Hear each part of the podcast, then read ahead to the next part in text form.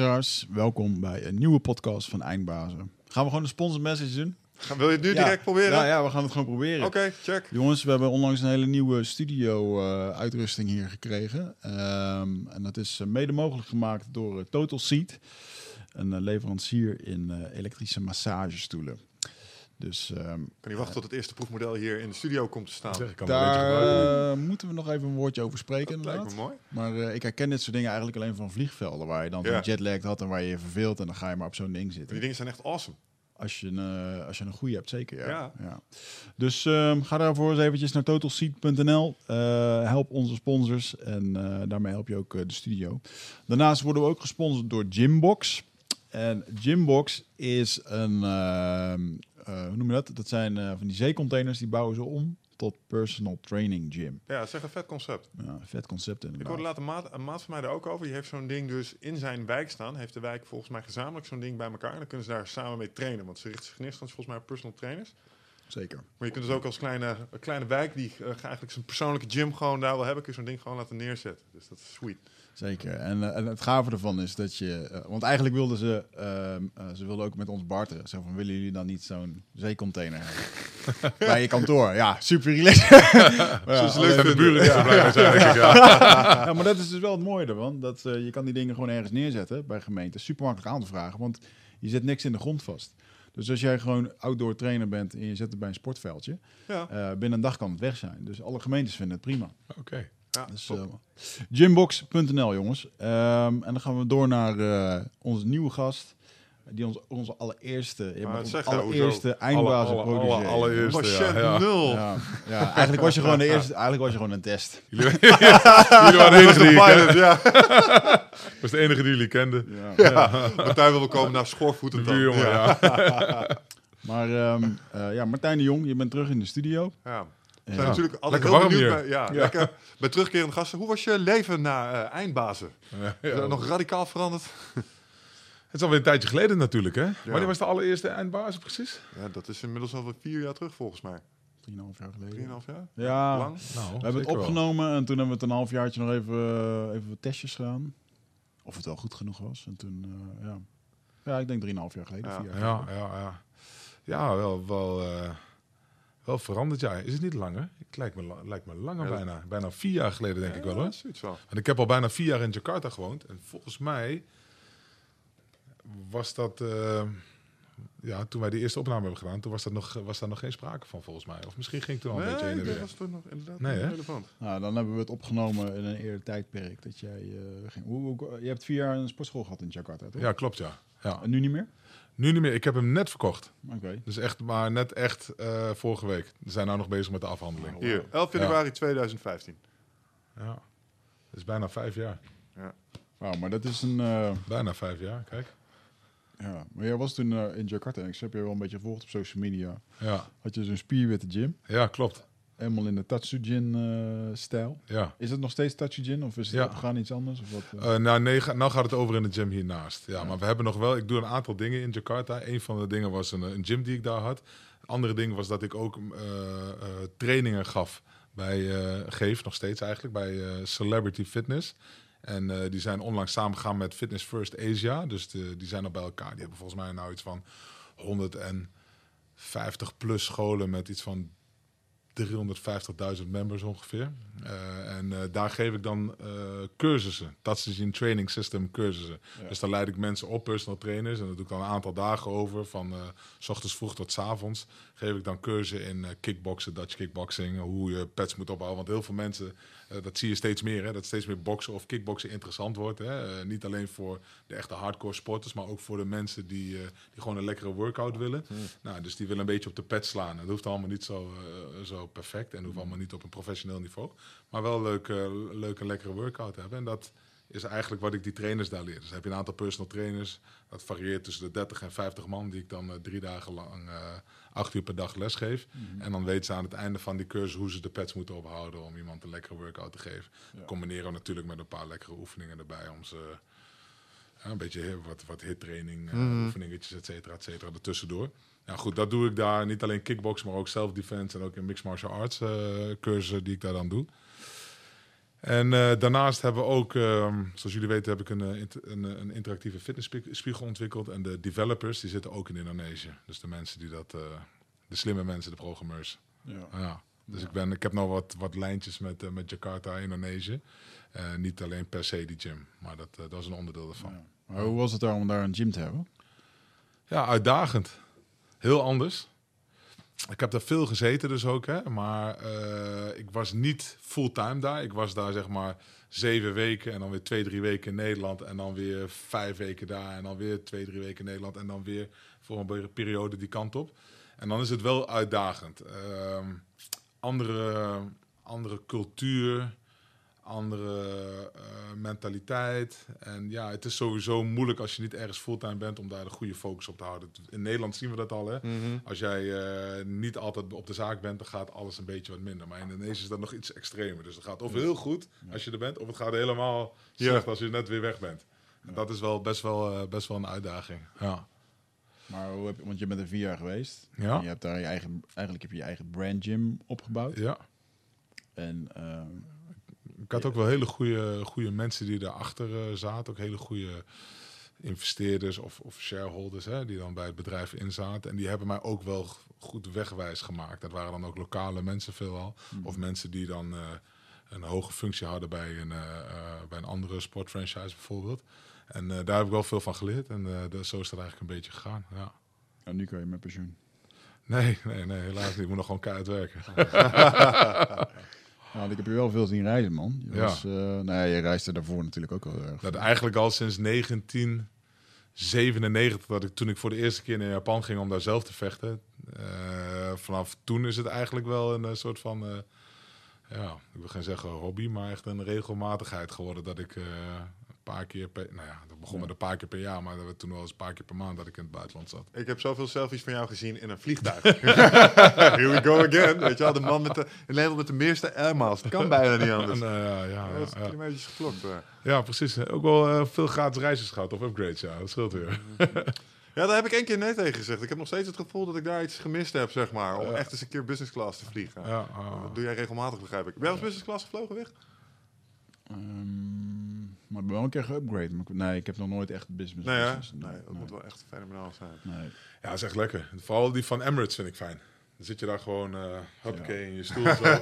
groot scherm voor je. Ja. En dan, eh, toevallig kwam ik laatste keertje, ging van het, eh, vanuit Jakarta naar, naar Nederland, dan via, via Dubai.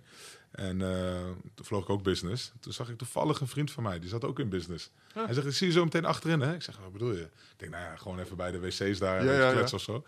Maar achterin, dat is die Airbus eh, A380, zat dus een mega bar gewoon in, hè? Ja.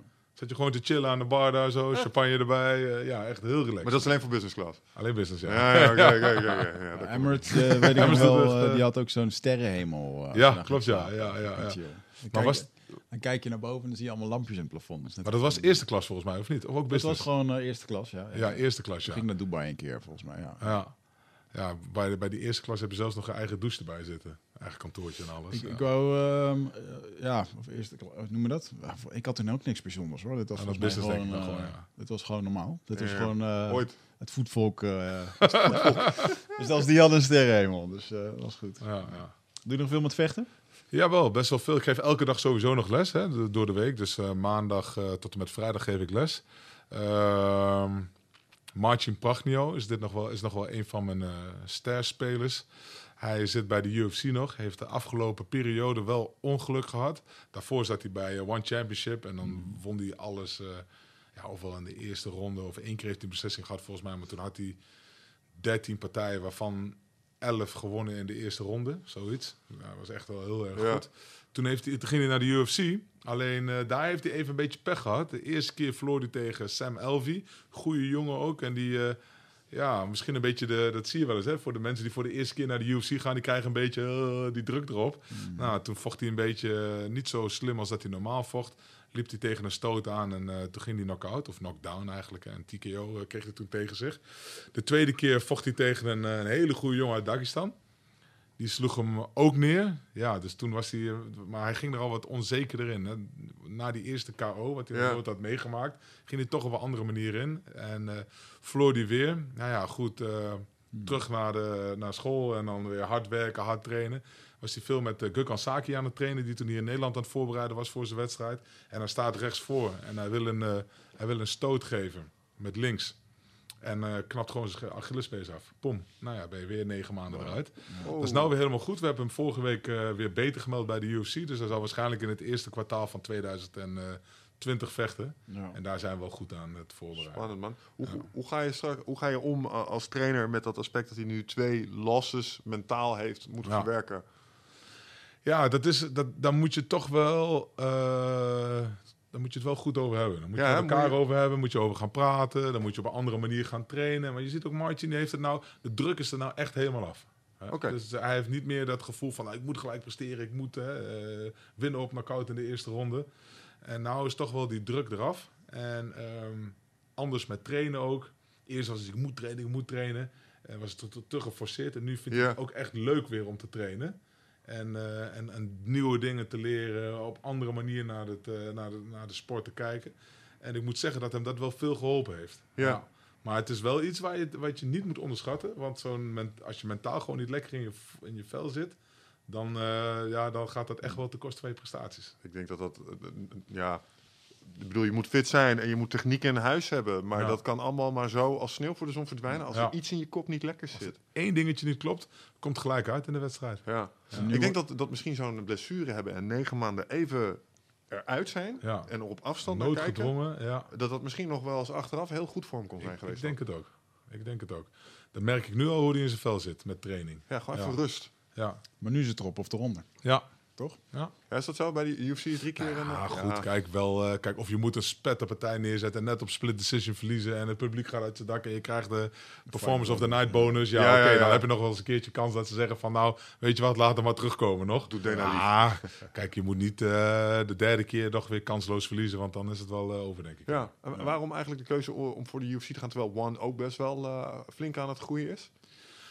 Ja, One was toen aan het groeien. Daar praat ik al over eh, een tijdje terug. Hè. Ik denk dat het zijn eerste wedstrijd in de UFC, ja, ik weet het niet meer precies uit mijn hoofd, maar zal zo'n anderhalf jaar geleden zijn geweest.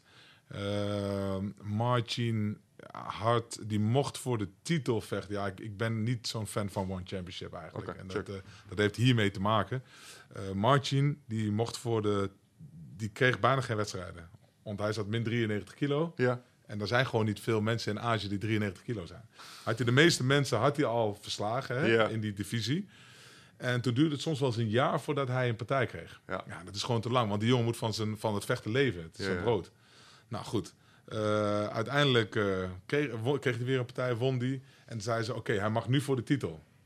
Maar dus ik ging, naar, ik ging naar zijn contract nog eens een keertje kijken. Want ik heb natuurlijk zelf een Glory opgericht hè, Ja, toen de ja, ja. tijd. En daar ben ik nog en, en natuurlijk met alle organisaties in de wereld heb ik te maken gehad. Dus ik ken die contracten al een beetje. Dus ik denk, hé, hey, laten we eerst eventjes kijken hoe het nou zit met die Champions Clause.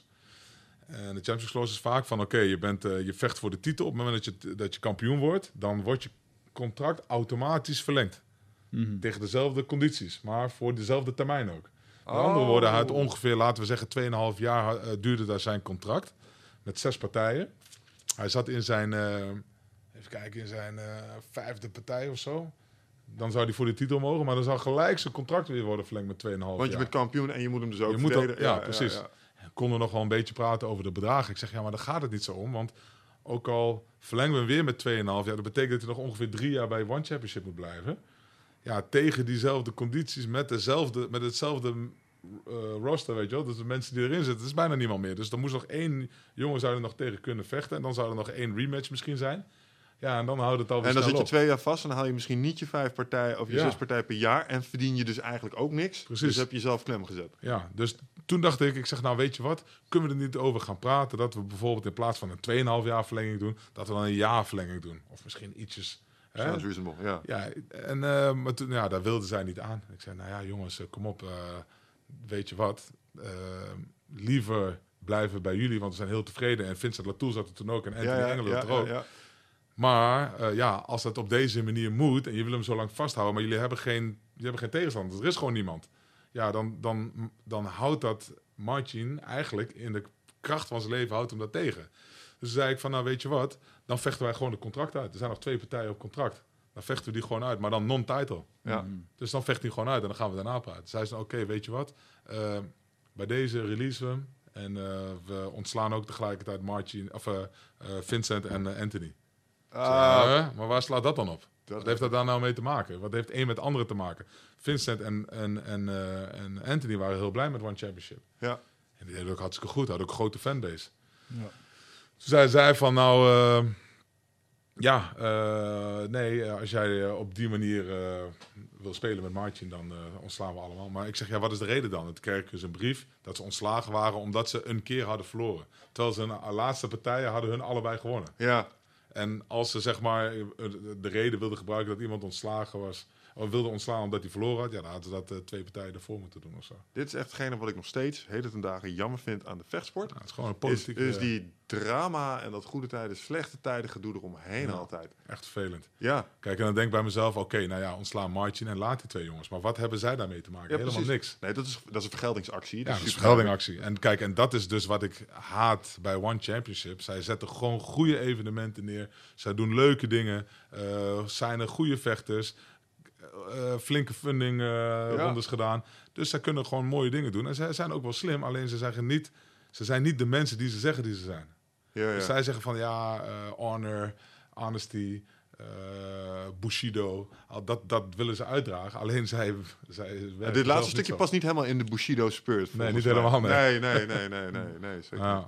Oh, dat is jammer, man. Dus eh, dat is eigenlijk een beetje wat ik eh, Ja. tegen One Championship heb. En toen zijn we dus naar UFC gegaan. Nou, Anthony, die hebben eerst een aantal andere evenementen laten vechten. Brave onder andere. Nederland heeft een keer gevochten tegen, tegen Dwayne eh, van Helvoort. eh het verloren toen de tijd. Want Dwayne is natuurlijk ook de beste vechter uit Nederland in dat gewicht.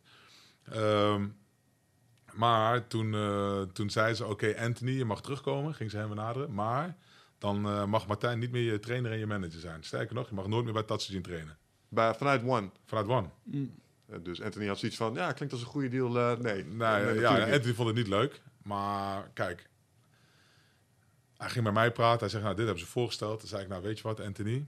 Kijk, soms eh, moet je gewoon dingen doen die niet leuk zijn. En ik wilde meer terug naar Nederland. Hij trainde bij mij in Indonesië. Maar ja, kijk, eh, als ik er niet was, ging hij, trainde hij bij Bali en me mee. Ik zeg, nou, zij hebben wel een goede relatie. Weet je wat?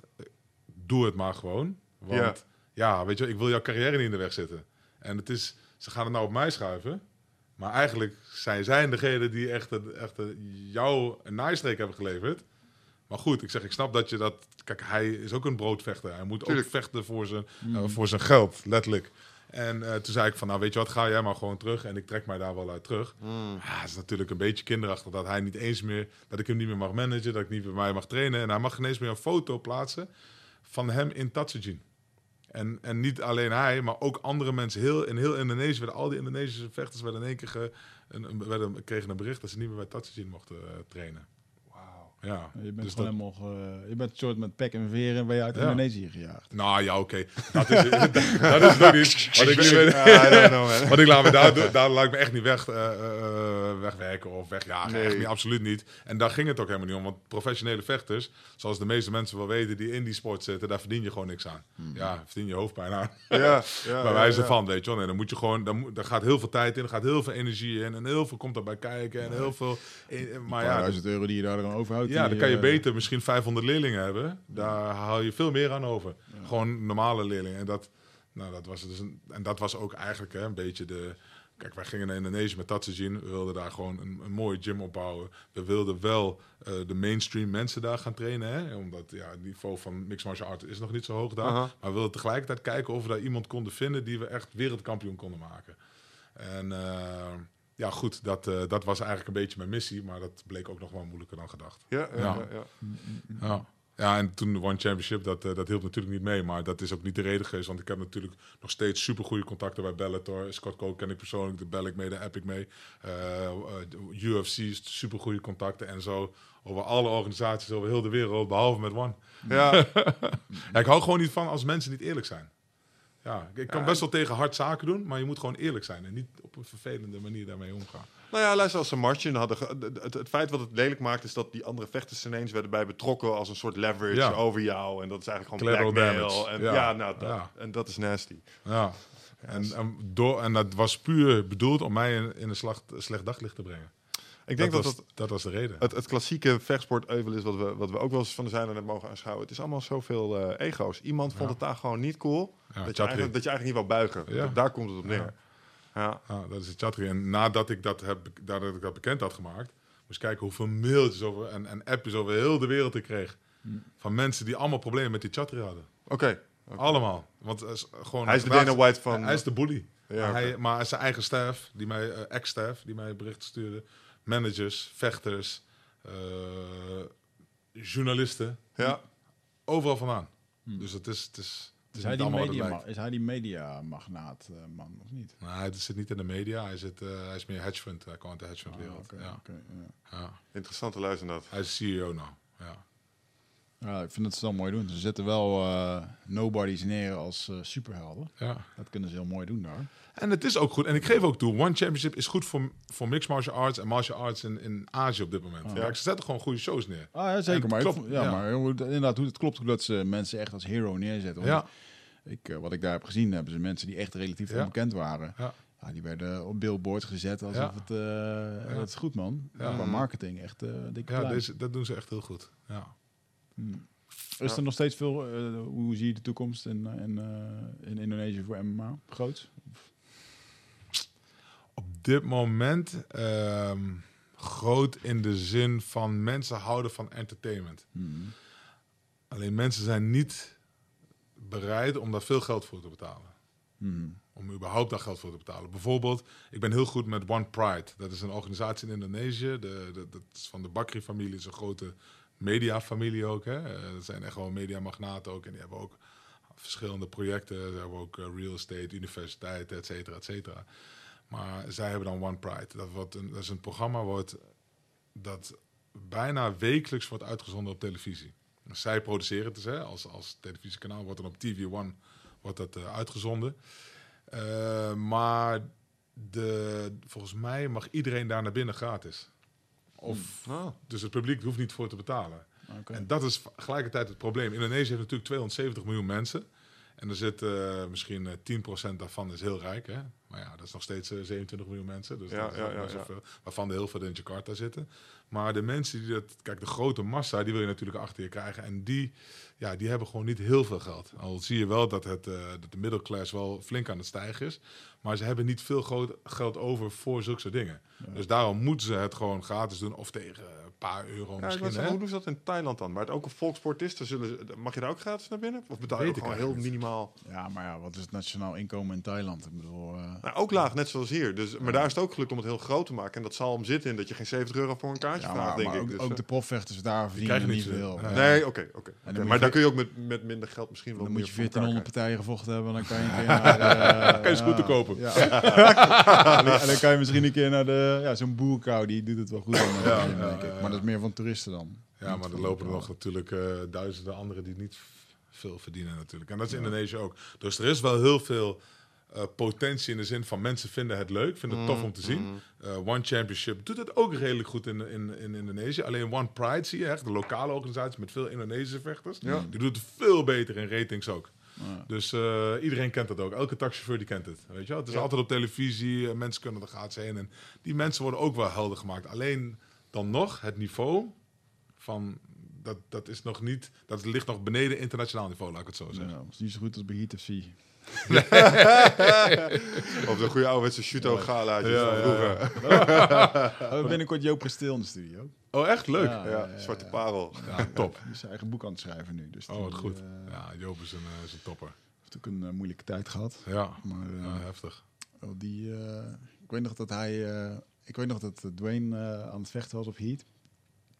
En ik promote dat. En hij was natuurlijk de ringspeaker. En ja. ik zei van... Ah, Dwayne die heeft gewoon eh 80 kaarten verkocht. En dat hij me echt zo aankeek. hij zo... Vroeger, toen ik vocht, kocht ik 4 tot 600 kaarten. Ja, echt. Maar echt. Echt niet normaal. Ja, echt. En dan weet ik nog dat ik met Remco erheen ging naar van die ringschala's. En Ja, dan stond je gewoon drie uur lang in de file te klooien. omdat het sowieso al drie uur later begon. Ja. Je hoeft er niet op tijd te komen hoor. En iedereen altijd met zo'n rush naar buiten als dan een laatste partij. Dat was wel altijd kut, hè? Ah, dat is nu nog steeds, jongen. Ja? Ik, ik, ik werk nu voor Gloria. Ik weet niet of je dat weet. Oh ja? Ja, ik, ehm, hoe heet dat, eh, voor de mensen die weten, jij hebt natuurlijk destijds Glory Ben gestart. toen overgenomen. En uh, nou, Raffles die doet nog steeds Ja. eh, de dingen aan de ring al daar. Voor, Ja. met, de, met de bond en dat soort zaken. En die had iemand nodig eh, om dat live scoring systeem... dat ze hebben voor tv met die iPads... Ja? Ehm, had iemand nodig die een beetje IT-kennis had? Eh, vechtsport ook een beetje aficionado mee was. En eh kwam opdagen als hij eh, zeg maar zei dat hij er was. En dat schijnt in vechtsportland nog wel een unieke combinatie te wezen. Ehm, dus ik beheer de iPads aan, Oh, aan, de, aan de ring voor de, voor de juryleden. Zodat dat moet praten met die bus van United. Zodat het live op tv Ja, kan worden ja, ja. Maar daar zie ik nog steeds exact datzelfde fenomeen. Dat laatste, eh, laatste wedstrijd, het is klaar. Het is duidelijk wie er gewonnen heeft. Iedereen gewoon als één man op, hup, richting die parkeergarage. En dan gaan we daar met Mooi lekker Ja, staan. echt, Ja. echt, dat begrijp ik ook nooit. Ik, eh, ik laat ze al, of ik ga van tevoren weg, of ik laat ze allemaal maar gaan. En dan eh, drinken we nog een drankje en dan kletsen we nog even hier en daar wat. En dan gaan we Oh. weg, ja. Hoe is dat voor Maar jou, over man? rings gesproken trouwens. Echt eventjes inhaken op dat rings. Ik weet nog, wat, wat is de meest epic stare-down geweest? Failliet. eh, Ja. Tegen Venetiaan. Venetiaan. Hey, was dat tof of niet? Was je erbij of niet? Ik was er niet bij. Zo, wat was dat een stare-down, hè? Ja. Vier tegen Venetiaan. Die stonden tegen elkaar, die liepen om elkaar heen. Nou, dat waren wel mooie tijden toen, hè? Ja, de zeker. hele zaal ontplofte. De wedstrijd was ook zo voorbij. Het ging ook, was volgens mij zelfs een no-contest volgens mij. Maar die stare-down, dat weet iedereen nog gewoon. Echt super cool. Ja. Wat wil je zeggen? Ehm, ja, hoe het voor jou was om ehm, eh, eh, Glory. Het is inmiddels best wel een ding geworden. Eh, Ja. het zit bij UFC Fight Pass en dat soort dingen. En dat Ja. is toch iets waar jij grondlegger van bent geweest. Ja. Komen de eerste shuto-galetjes nog herinneren voordat het Road to Glory werd en uiteindelijk Glory. Hoe is het om te zien dat zoiets wat je eigen geesteskind is, helemaal naar dit niveau is doorgegroeid? Ja, het is wel leuk. Ik ben ook trots erop dat ik er toen mee ben gestart. En een, een flinke zet, flinke zet heb gegeven. Ik ben natuurlijk in 2012 verkocht. Ja, 2012. Toen ben ik nog twee jaar als eh, consultant aangebleven. En toen ben ik, heb ik het toch eigenlijk wel losgelaten. Want ja, ja dat- is toch anders werken in een organisatie... waarbij je zelf met een klein groepje mensen de, de richting bepaalt. En Ja. in één keer werd het zo massaal en zo groot. En, en ja, soms is het dan een beetje vechten tegen de bierkaai. Dat was in mijn geval zo.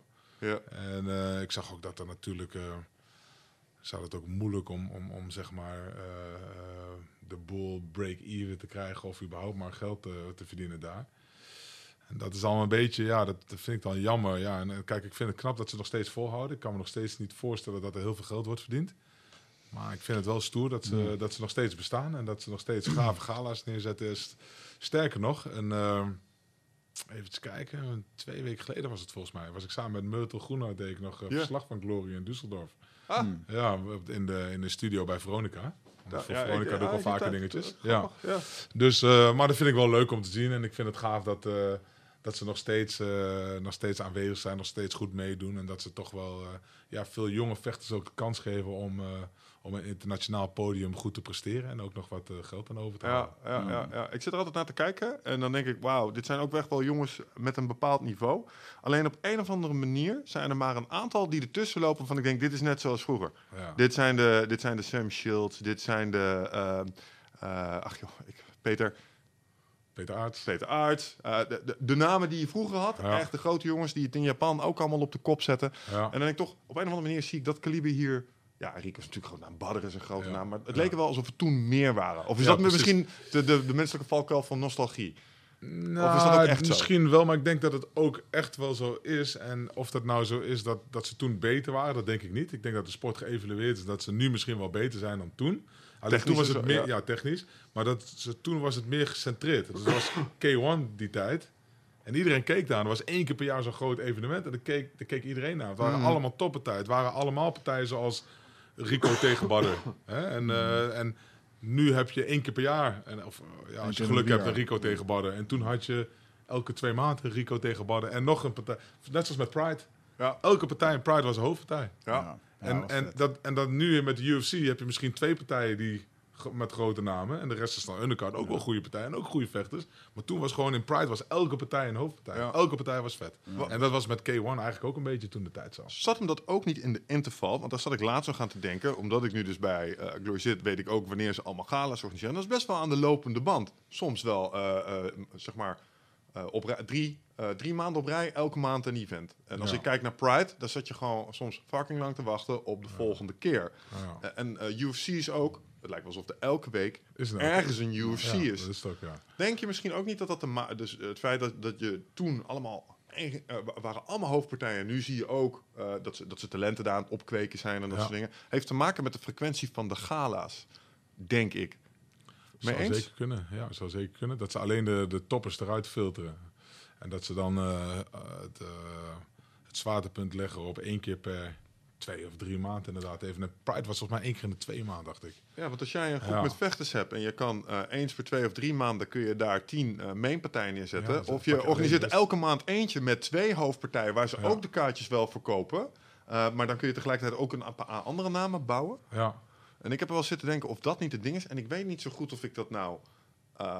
ik snap het voor het kweken van talent. Ik snap Ja. dat je er betere vechters van krijgt en dat je, dat je pool beter wordt. Maar misschien vond ik het wel vetter dat er van die echte epische events waren. waar al die namen op één fucking kaart stonden. ja, dat doe je nou ook. Met UFC doet het nu ook, hè. Maar dat doen ze dan eh, twee keer per jaar eigenlijk. Vaak in de zomer een keertje. En dan vlak voor oud en nieuw doen ze dan weer zo'n gala. En dan soms een hele toffe tussendoor, zoals aankomende zaterdag natuurlijk. Hè. Mm, Eh, maar ja, daar, ik, kijk, aan de andere kant denk ik, ja, je hebt gelijk, maar om de sport echt groot te laten worden, heb je die evenementen gewoon nodig. Ja. Kijk maar naar voetbal. Elke, elke, week, elk weekend is er, ik weet niet hoe, zijn er, hoe, weet niet hoeveel voetbal eh ja, dat, dat, natuurlijk. dat snap ik, maar denk je ook niet dat. Want daar heb ik wel eens aan zitten denken. Dat dan het, het eh, voetbal is. Voetbal is volkssport nummer één. Iedereen, Er is veel voetbal, dus altijd voetbal. En wat die galas zo bijzonder maakt, is dat ze ook een klein beetje exclusief waren. En ze waren er niet de hele tijd. En ik vraag me af of het voor de sport beter is dat die exclusiviteit er soms een klein beetje op zit. Of dat ze er Nee. eigenlijk mee doodslaan, eh, zoals het soms voelt. Ja, weer een galaatje, weer Ja. dit, weer dat. Ik denk dat het voor de sport beter is dat er meerdere evenementen zijn, maar dat voor ons egoïstisch gezien het Ja, toffer is ja, als er één keer in de zoveel tijd gaan is, want dan kan je er naartoe leven en dan ah, alleen maar mooie partijen, weet je wel. En dat is eigenlijk meer voor de fan is dat Ja, egoïstisch gezien het, het, het tofste. Alleen Ja. voor de sport in de breedte moet je gewoon veel evenementen ja doen. ik denk het ook. En de, even- en de partijen zijn natuurlijk ook hartstikke mooi en hartstikke goed. Misschien is dat het ook wel. Dat, we, dat we inmiddels, omdat de, de kwaliteit zo gestegen is, mede Ja. door internet en al Ja. die andere voorgaande partijen, dat het niveau zo hoog is, dat het ook eigenlijk niet meer opvalt. ehm, omdat het allemaal spectaculair is. Snap je? Ik bedoel, ik was een keer hier bij de UFC in eh, Nederland toen dat hier werd georganiseerd. Toen zaten in de voorpartijen, toen kwam er zo'n hele buslading met van die Russen die mochten vechten. Allemaal via de kooi gedraaide trappen maken Ja. en zo, alsof het de normaalste zaak van de wereld was. Ja. En ik zat erbij van, ja, ja, ja, dat doe je. Terwijl als dat vroeger een keer gebeurde, Ja, je je wat is dit? Ja, dus je bent er ook een soort van aan. Ja, ja, ja. Maar ik denk ook, en dat heeft er ook mee te maken, eh, vroeger had je natuurlijk, iemand kwam uit de judo. Die andere kwam uit jiu-jitsu, die kwam uit karate, die kwam uit kickboksen. En die gingen Ja. allemaal tegen elkaar. Helemaal begin de UFC praten natuurlijk over, hè? Of misschien wel pre-UFC. The good old days. Ja, de good old days. Maar en er, er gebeurden dus hele vette dingen. Ja. Want het niveau lag heel ver uit elkaar. En nu is dat niveau natuurlijk een beetje naar elkaar toegetrokken. En dan wordt het steeds moeilijker. Je ziet steeds minder KO's, steeds minder submissions, eh, meer eh, beslissingen eh, in de wedstrijden. Kijk, en dan wordt het misschien ook wat minder spectaculair, maar het is wel eerlijker, dat niveau. En je dan, vooral de kenners, hè, die begrijpen dan van wat er aan de hand is Ja, ja, ja, ja, ja. die vinden het dan wel weer heel vet. Want die weten gewoon hoe zwaar het is. En die ene zet een aanval erin, die andere neutraliseert het weer, probeert het over te nemen. En dan zie je, jij ziet echt wel wat er aan de hand is. Maar ja, vroeger had je dat natuurlijk niet. En dan gaat er wel eens wat, gaan er wel eens wat meer mensen knock-out. eh. Ja, Toch mis ik stiekem die dagen nog wel eens een beetje. Ja. Toen je als je Braziliaanse jiu-jitsu kon, dat je een van de weinigen was en dat je zo'n beetje elke andere vechtsport Ja, ja, voor je gevoel wel aankon. Ja, dat is en en nu weet iedereen wel een beetje wat een guard is. En, eh, ja, Ja. die tijden zijn wel voorbij. ja. Ik mis wel de Pride-dagen, man. Dat waren Ja. echt eh gauw... ja, dat gauw was. Maar wat mis je er dan met name aan? Open weight classes, gewoon eh, alles wat kan rammen tegen elkaar zetten. gewoon Mark Hunt tegen Wanderlei Silva. Die wedstrijd sloeg nergens op, maar was wel gewoon fucking dik om te zien. Mhm. En, en dat dan ook nog een kleinere Wanderlei ook nog een keertje korte metten maakt met, eh, met Hunt. Of nee, eh, zo'n Ricardo Orona tegen Rampage met dat soort slams en shit. Ja, Ja, dat kon alleen maar daar, man. Wat, wat is je meest epische herinnering aan Pride? Nou, dan denk ik toch wel... ehm oh, ja, Fedor sowieso. Ja. Maar dat was... eh Fedor was sowieso bijzonder. Ik vond de shootbox gasten, vond ik, eh, die hebben veel impact gehad. Ja, Wat dacht je van Kro eh, Krokop dan? Ja, ben ik zelf ja. ja, Oh, die super mooi. knalde toch ook een paar eruit, hoor. Ja, Toch? ja. Ik, heb Oh, eens- en- ik zat toen een keertje naast de ring. En toen vocht hij tegen Igor Vovchanchin. Nou, ja. hoorde je echt dit zo. Pak! Oh, toen dacht ik van wow. Hij zei het er altijd, maar right leg is hospital, maar left leg is cemetery. Ja. maar dat was echt zo. Poef! Ja, die, die was wel goed hoor toen. die Terwijl. Igor Vovtanshin ook echt een Dat is ook geen Ja, kinderachtige jongen. Ja. Geen kinderachtige jongen inderdaad. Ja. En die... eh, ja, en dan waren die, die superpartijen, zoals Noguera tegen Ja. Krokop en Ja. later tegen Fedor. Ja. Dat is, oh man. Bob de-. Bob Sapp zelfs nog. Bob. Maar Bob Sepp was echt goed, hè? En daar heb ik ook een theorie, theorie over. Hij was een hele lange tijd echt goed. Hij heeft gewoon een paar keer van host gewonnen. Ja. Met kickboksen. Hij gooide Noguera zo boem op zijn hoofd. Ja, ja, ja, hij was gewoon ja. echt goed. Hij was gewoon een monster. Totdat hij tegen Peter Aarts vocht, hier in de arena. Ja. Toen kreeg hij toch even een knietje op zijn lever. Maar toen lag En ook redelijk hij- snel neer. Ja, ja, ja. Dit is, wat, dit, is, dit is hoe pijn voelt. Hij had nooit pijn gevoeld. Dus als jij nog nooit pijn hebt gevoeld, en je- dan kan je er gewoon vol in beuken. En eh, iemand anders moet er maar rekening mee houden. Ja. Totdat hij echt een keer pijn had gehad door echt die keiharde knie op zijn leven van Peter Aartsen, dacht hij, wow, nou, dit is dus pijn. Dit wil ik nooit meer voelen. En dan zie je ook, de volgende wedstrijden waren allemaal... Nou, volgens mij zei de, degene met de grootste eh, lost streak in de world Ja, of zo. vervolgens wel, ja. Ik denk dat hij misschien Toch 20 of gewoon, 25 partijen achter elkaar verloren. Maar werd hij vervolgens niet een beetje zo'n eh zo'n Ja. kennen van... hey, we hebben nog 5000 over, we willen Ja. iemand bouwen? Ja. Eh, Ja, ja, maar dat is serieus, zo is dat Dat dat Gary Goodrich eh, een tijd lang ja, geweest is. ja. Ik denk niet De dat Gary... gatekeeper. Ja, maar Gary Goodrich, die vocht wel. Die kwam wel echt Nee, eens, eens, eens. Maar als je, als je, je moest langs Gary heen om zeg maar Ja. verder te kunnen. Ja. Ja, Hey, Gary Goodrich tegen Gilbert Eiffel. dat Ja. was ook wel snel voorbij. Ja, Ja, dan moet je kijken hoe Gary nu praat. Dat Oh, is ja. wel wat je dan over die staat heel open Ja. over, hè? Ja. Over wat, wat dat met hem gedaan heeft en zo. En de hersenschade die hij heeft. Echt niet... eh, Ik ben in dat opzicht wel heel benieuwd hoe het met... eh, ik vergeet de, de Japanse naam, maar Don Fry tegen Takayama volgens mij. Ja. En dat ze zo tegen Dat ze elkaar elkaar, eh, maar door, daar moet je toch iets aan overgehouden hebben. Dat kan toch niet anders. Die gasten hoofd heeft zulke Ja. eieren erop. Als je niet weet wat Pride is en je wil eens een keer eh, een partij zien, dan Takayama heet die volgens Takayama, mij. Ja, ja. Don Fry versus Takayama, slugfest. Plus, het- en nu, nu gebeurt het nog steeds, want er wordt nog steeds fucking veel doping gebruikt. Ik denk dat heel veel van die profvechters in de UFC, eh, die echt goed betaald krijgen, die kunnen ook zodanig eh, de doping... Zelfs met de Ja, ja, ja. denk je dat? Ik Het denk wordt wel heel moeilijk hoor, want ik weet Ja. toevallig, want ik heb uh, Gökhan Saki altijd gemanaged. Hè? En ik heb eh eh, Marcin dus in de UFC zitten en andere mensen hadden er ook. Maar vooral Marcin en, en, en, eh, Gökhan, omdat die er recent eh, nog in zitten. Die krijgen echt achter elkaar dopingcontroles. Maar gewoon Ja. bam. Eh, drie weken later, bam, weer. Eh, bellen, waar ben je? Eh, binnen een uur hier zijn, anders krijg je een failure. En dan heb ik maar echt, echt streng en... en ja, ze zitten er bovenop. Die out-of-competition testing, die is Ah, echt... ik eh, moet zeggen dat ik dit dan eventjes haal uit de informatie van Gordon Ryan, die grappler, die uit Ja. Abu Dhabi. Die Ja. eh, is wel mooi. In de grappling, ja, daar test niemand. ja. En hij is er best wel open over. Hij zal het nooit benoemen. En hij zegt dan altijd, eh van zo'n bijvoorbeeld zo'n André Galvao, die zit altijd, oh Jesus en met de Lord, allemaal dingen uit de Bijbel. Ja, ondertussen gewoon helemaal opgespoten van man bolen rondlopen. En gewoon- ja, gewoon echt zo'n topatleet. Maar die heeft het niet van, eh, en dan noemt hij, die Gordon Ryan zegt dan, ja, dat komt door eh, de praying to Jesus, weet je wel. Dat is, Sure does, ja. En ehm, eh, ik heb hem wel eens helemaal uit zien leggen in van die stories op zijn Instagram, waarin hij zegt van ja, maar die profvechters die krijgen gewoon zo ontzettend veel geld dat ze de specialisten eromheen weten te, te vinden, die ze door die cyclus heen helpen en dat ze niet, niet gepakt worden of weet ik veel. dat was vroeger wel zo, dat ze echt die cyclussen konden. konden Ja. Dus dan ging je gewoon op langwerkende middelen en dan eh, middellang en dan korte werkende middelen nadat de wedstrijd. Want Ja. vlak na de wedstrijd moest je altijd plassen of Ja, ervoor, ja, ja, ik weet niet meer precies. Maar dan kon je daar wel naartoe werken. Maar nu is dat gewoon dat out of competition staan in één keer voor je deur. Als jij midden in je lange Ja. termijnkuur zit en in één keer moet je... Ja, daar kun je dat gaat niet. Dat gaat ook niet in je korte zelfs, want dat gaat, dan werkt dan nog steeds eh, twee, drie dagen of zoiets.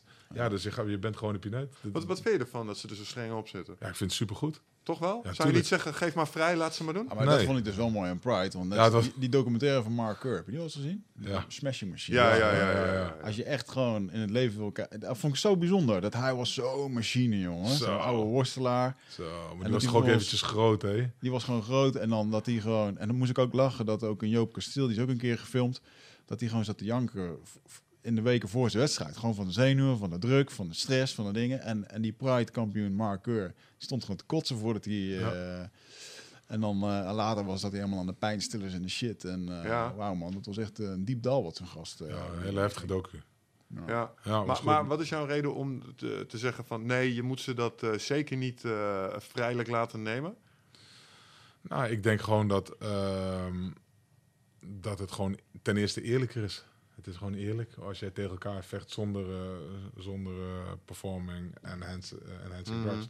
Dat het gewoon ten eerste eerlijker is. En ten tweede is het denk ik ook wel gezonder. Vooral als je, omdat heel veel mensen niet weten wat ze doen. Die doen Ja. maar een beetje wat. En die, kijk maar naar die shootbox gasten, hoe die eruit zagen op het laatst. Zulke dikke hoofden. Ja, ja. Helemaal agressief. En ja, ik, ik, ik, ja, ik vond het, natuurlijk is het leuk om te zien. Hè? De paar echte van die jacked up gasten die tegen elkaar gaan vol gas. Ja, natuurlijk is dat gaaf om te zien. Alleen, ik, ja, het is niet... Het is voor entertainment is het leuk, maar voor sport is het natuurlijk Ja, niet oké. als, je, als je kijkt naar die mensen, hun gezondheid over de lange termijn, dan kan je niet anders dan een klein beetje denken. mm, En, en de ene die gebruikt het niet en die andere gebruikt het vol gas. En wat gebeurt er dan met degene die niet gebruikt? En die kan misschien wel heel erg gevaarlijk gewond raken tijdens Ja, de wedstrijd. ja, natuurlijk ja, geen ja, dammen ja. of tennis. Ja.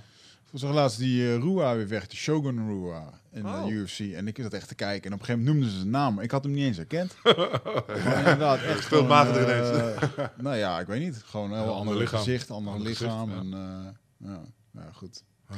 Anderzijds vond ik het wel mooi hoor. Gewoon, eh, ja, om het even heel erg gechargeerd te zetten. Je zet een paar van die opgespoten apen tegen elkaar die ook nog een keer kunnen vechten. En je krijgt geheid spektakel, weet je. Ja, ja. Ja, zeker. Nou, dat is de reden waarom sommige mensen zeggen, misschien moet je het ook wel gewoon doen. Want om, als je kijkt naar de huidige vechters nu, als er een loophole te vinden is, gebruiken ze hem ook. Waarom? Omdat de, eh, het spel waar ze in zitten verlangt steeds meer spektakel en actie voor ze. Want er is zoiets als een fight of the night. Jij krijgt gewoon meer poen als het super spectaculair is. Dus je wil elke advantage hebben om dat te doen. Als je drie keer ver- verliest, lig je eruit. Dus als jij het iets kunt vinden wat je helpt, zul je dat doen. Wie was dat toen ook alweer? Daar hadden ze het bij Joe Rogan over. Die doet, die was aan het experimenteren met eh, microdoseren. Dus eh, voor zijn spar-series, sessies, iets wat op LSD leek. Hele, omdat het, hij merkte, ja, het geeft me gewoon een voordeel in het sparren. Het is bijna alsof ik in de Matrix Super zit. focus of zo. Ja, dat geeft Ja. hem super focus. Ehm, en dat staat dan nog niet op het lijstje. Totdat hij er een paar mee uitpingelt op een spectaculaire manier achterover zwevend. En dat ze, ah, misschien moeten we dat ook maar gaan verbieden. Dus door, door, Ja. door, door de aard van het spel zullen die vechters altijd zoeken naar iets wat ze net even die edge geeft, denk ik. Ja. Maar misschien is dat... Ja, zolang dat gewoon eh, binnen de regels valt, heb ik er geen probleem mee. Maar ik denk wel dat het beter is dat ze die, die zware, want, want die, die, die shootbox gasten en al die, veel Brazilianen ook, en Mm. voor een topteam zaten allemaal aan die hele heftige groeihormonen, die STH, volgens mij is dat dan groeihormonen die ze gebruiken voor paarden of zo. En dat is echt een hele heftige shit die ze Mm. daar gebruiken. Ja. Dat is gewoon echt niet gezond. En dat is ook gewoon niet oké om, eh, als, eh, om, om zo'n persoon als tegenstander te hebben. Nee, Nee. nee, ik kan me voorstellen. Nou, is in Brazilië sowieso wel. Toen ik daar trainde, toen wilde ik daar op een gegeven moment eh, proteïne halen. Dat was gewoon onmogelijk. En dat ik ook vroeg van, joh, waarom, eh, hoe kan ik hier een proteïne kolen die geen 300 euro kosten? En zeiden ze gewoon letterlijk, ja, het is goedkoper om steroïden te kopen. Echt? al die import betaal je echt iets van 120% of zo op. Jeetje. dat doen ze allemaal om de economie te stimuleren binnen Brazilië. En dat die gasten zeggen, ja, je kan beter gewoon steroïden pakken. Dat is goedkoper. Tientje. ja, en een ACI'tje, weet je wel. Zit jij eh, vaak in je hoofd? Eh, neem je heel veel informatie tot je video's, podcasts, boeken? Eh, nou, voel je niet schuldig, dat doen heel veel mensen natuurlijk. Eh, maar vaak zijn we op zoek naar antwoorden. Eh, gaan we nog meer informatie tot ons nemen. Terwijl ja, de antwoorden liggen toch echt in onszelf. En dat is iets wat we voelen met ons lichaam. Maar vaak zijn we zo erg in ons hoofd bezig ja, dat we dat ook niet meer, dat we daar niet meer echt goed bij kunnen. En dat is graag waar ik je voor uit wil nodigen. Voor Rite of Passage. 24, 25 en 26 mei is er weer een nieuwe editie. Voor mijn retreat voor persoonlijke ontwikkeling. Waarbij het thema echt is om uit het hoofd te komen in dat lichaam. Want dat is waar je alles ervaart. En ik wil dat je gewoon weer in contact komt met, met die, die intuïtie. Ehm, en dan gewoon een heel sterk eh, innerlijk kompas. Dat je gewoon weer weet waar je naartoe moet. Wat je te doen staat. En dat je gewoon weer helderheid hebt over wat je wilt en hoe dat je dat gaat doen. En dat doen we middels eh, bio-energetische oefeningen, dynamische meditaties, een stuk shamanisme zit erin. Het enige wat er bekend is van het programma is dat er een zweethut in zit. Eh, en natuurlijk gewoon hands-on persoonlijk leiderschap. Eh, dit retreat krijgt een 9,2 gemiddelde van meer dan 331 deelnemers. Daar ben ik ontzettend trots op. Sterker nog, er is ook een money back guarantee. Vind je niks na drie dagen, krijg je gewoon je geld terug. Dus het enige risico dat je loopt, is dat je gelukkiger wordt. Klinkt dit als iets voor jou en durf je het aan? Dan zie ik je op Ride of Passage. Ga naar wichertmeerman.nl en klik op Retreat.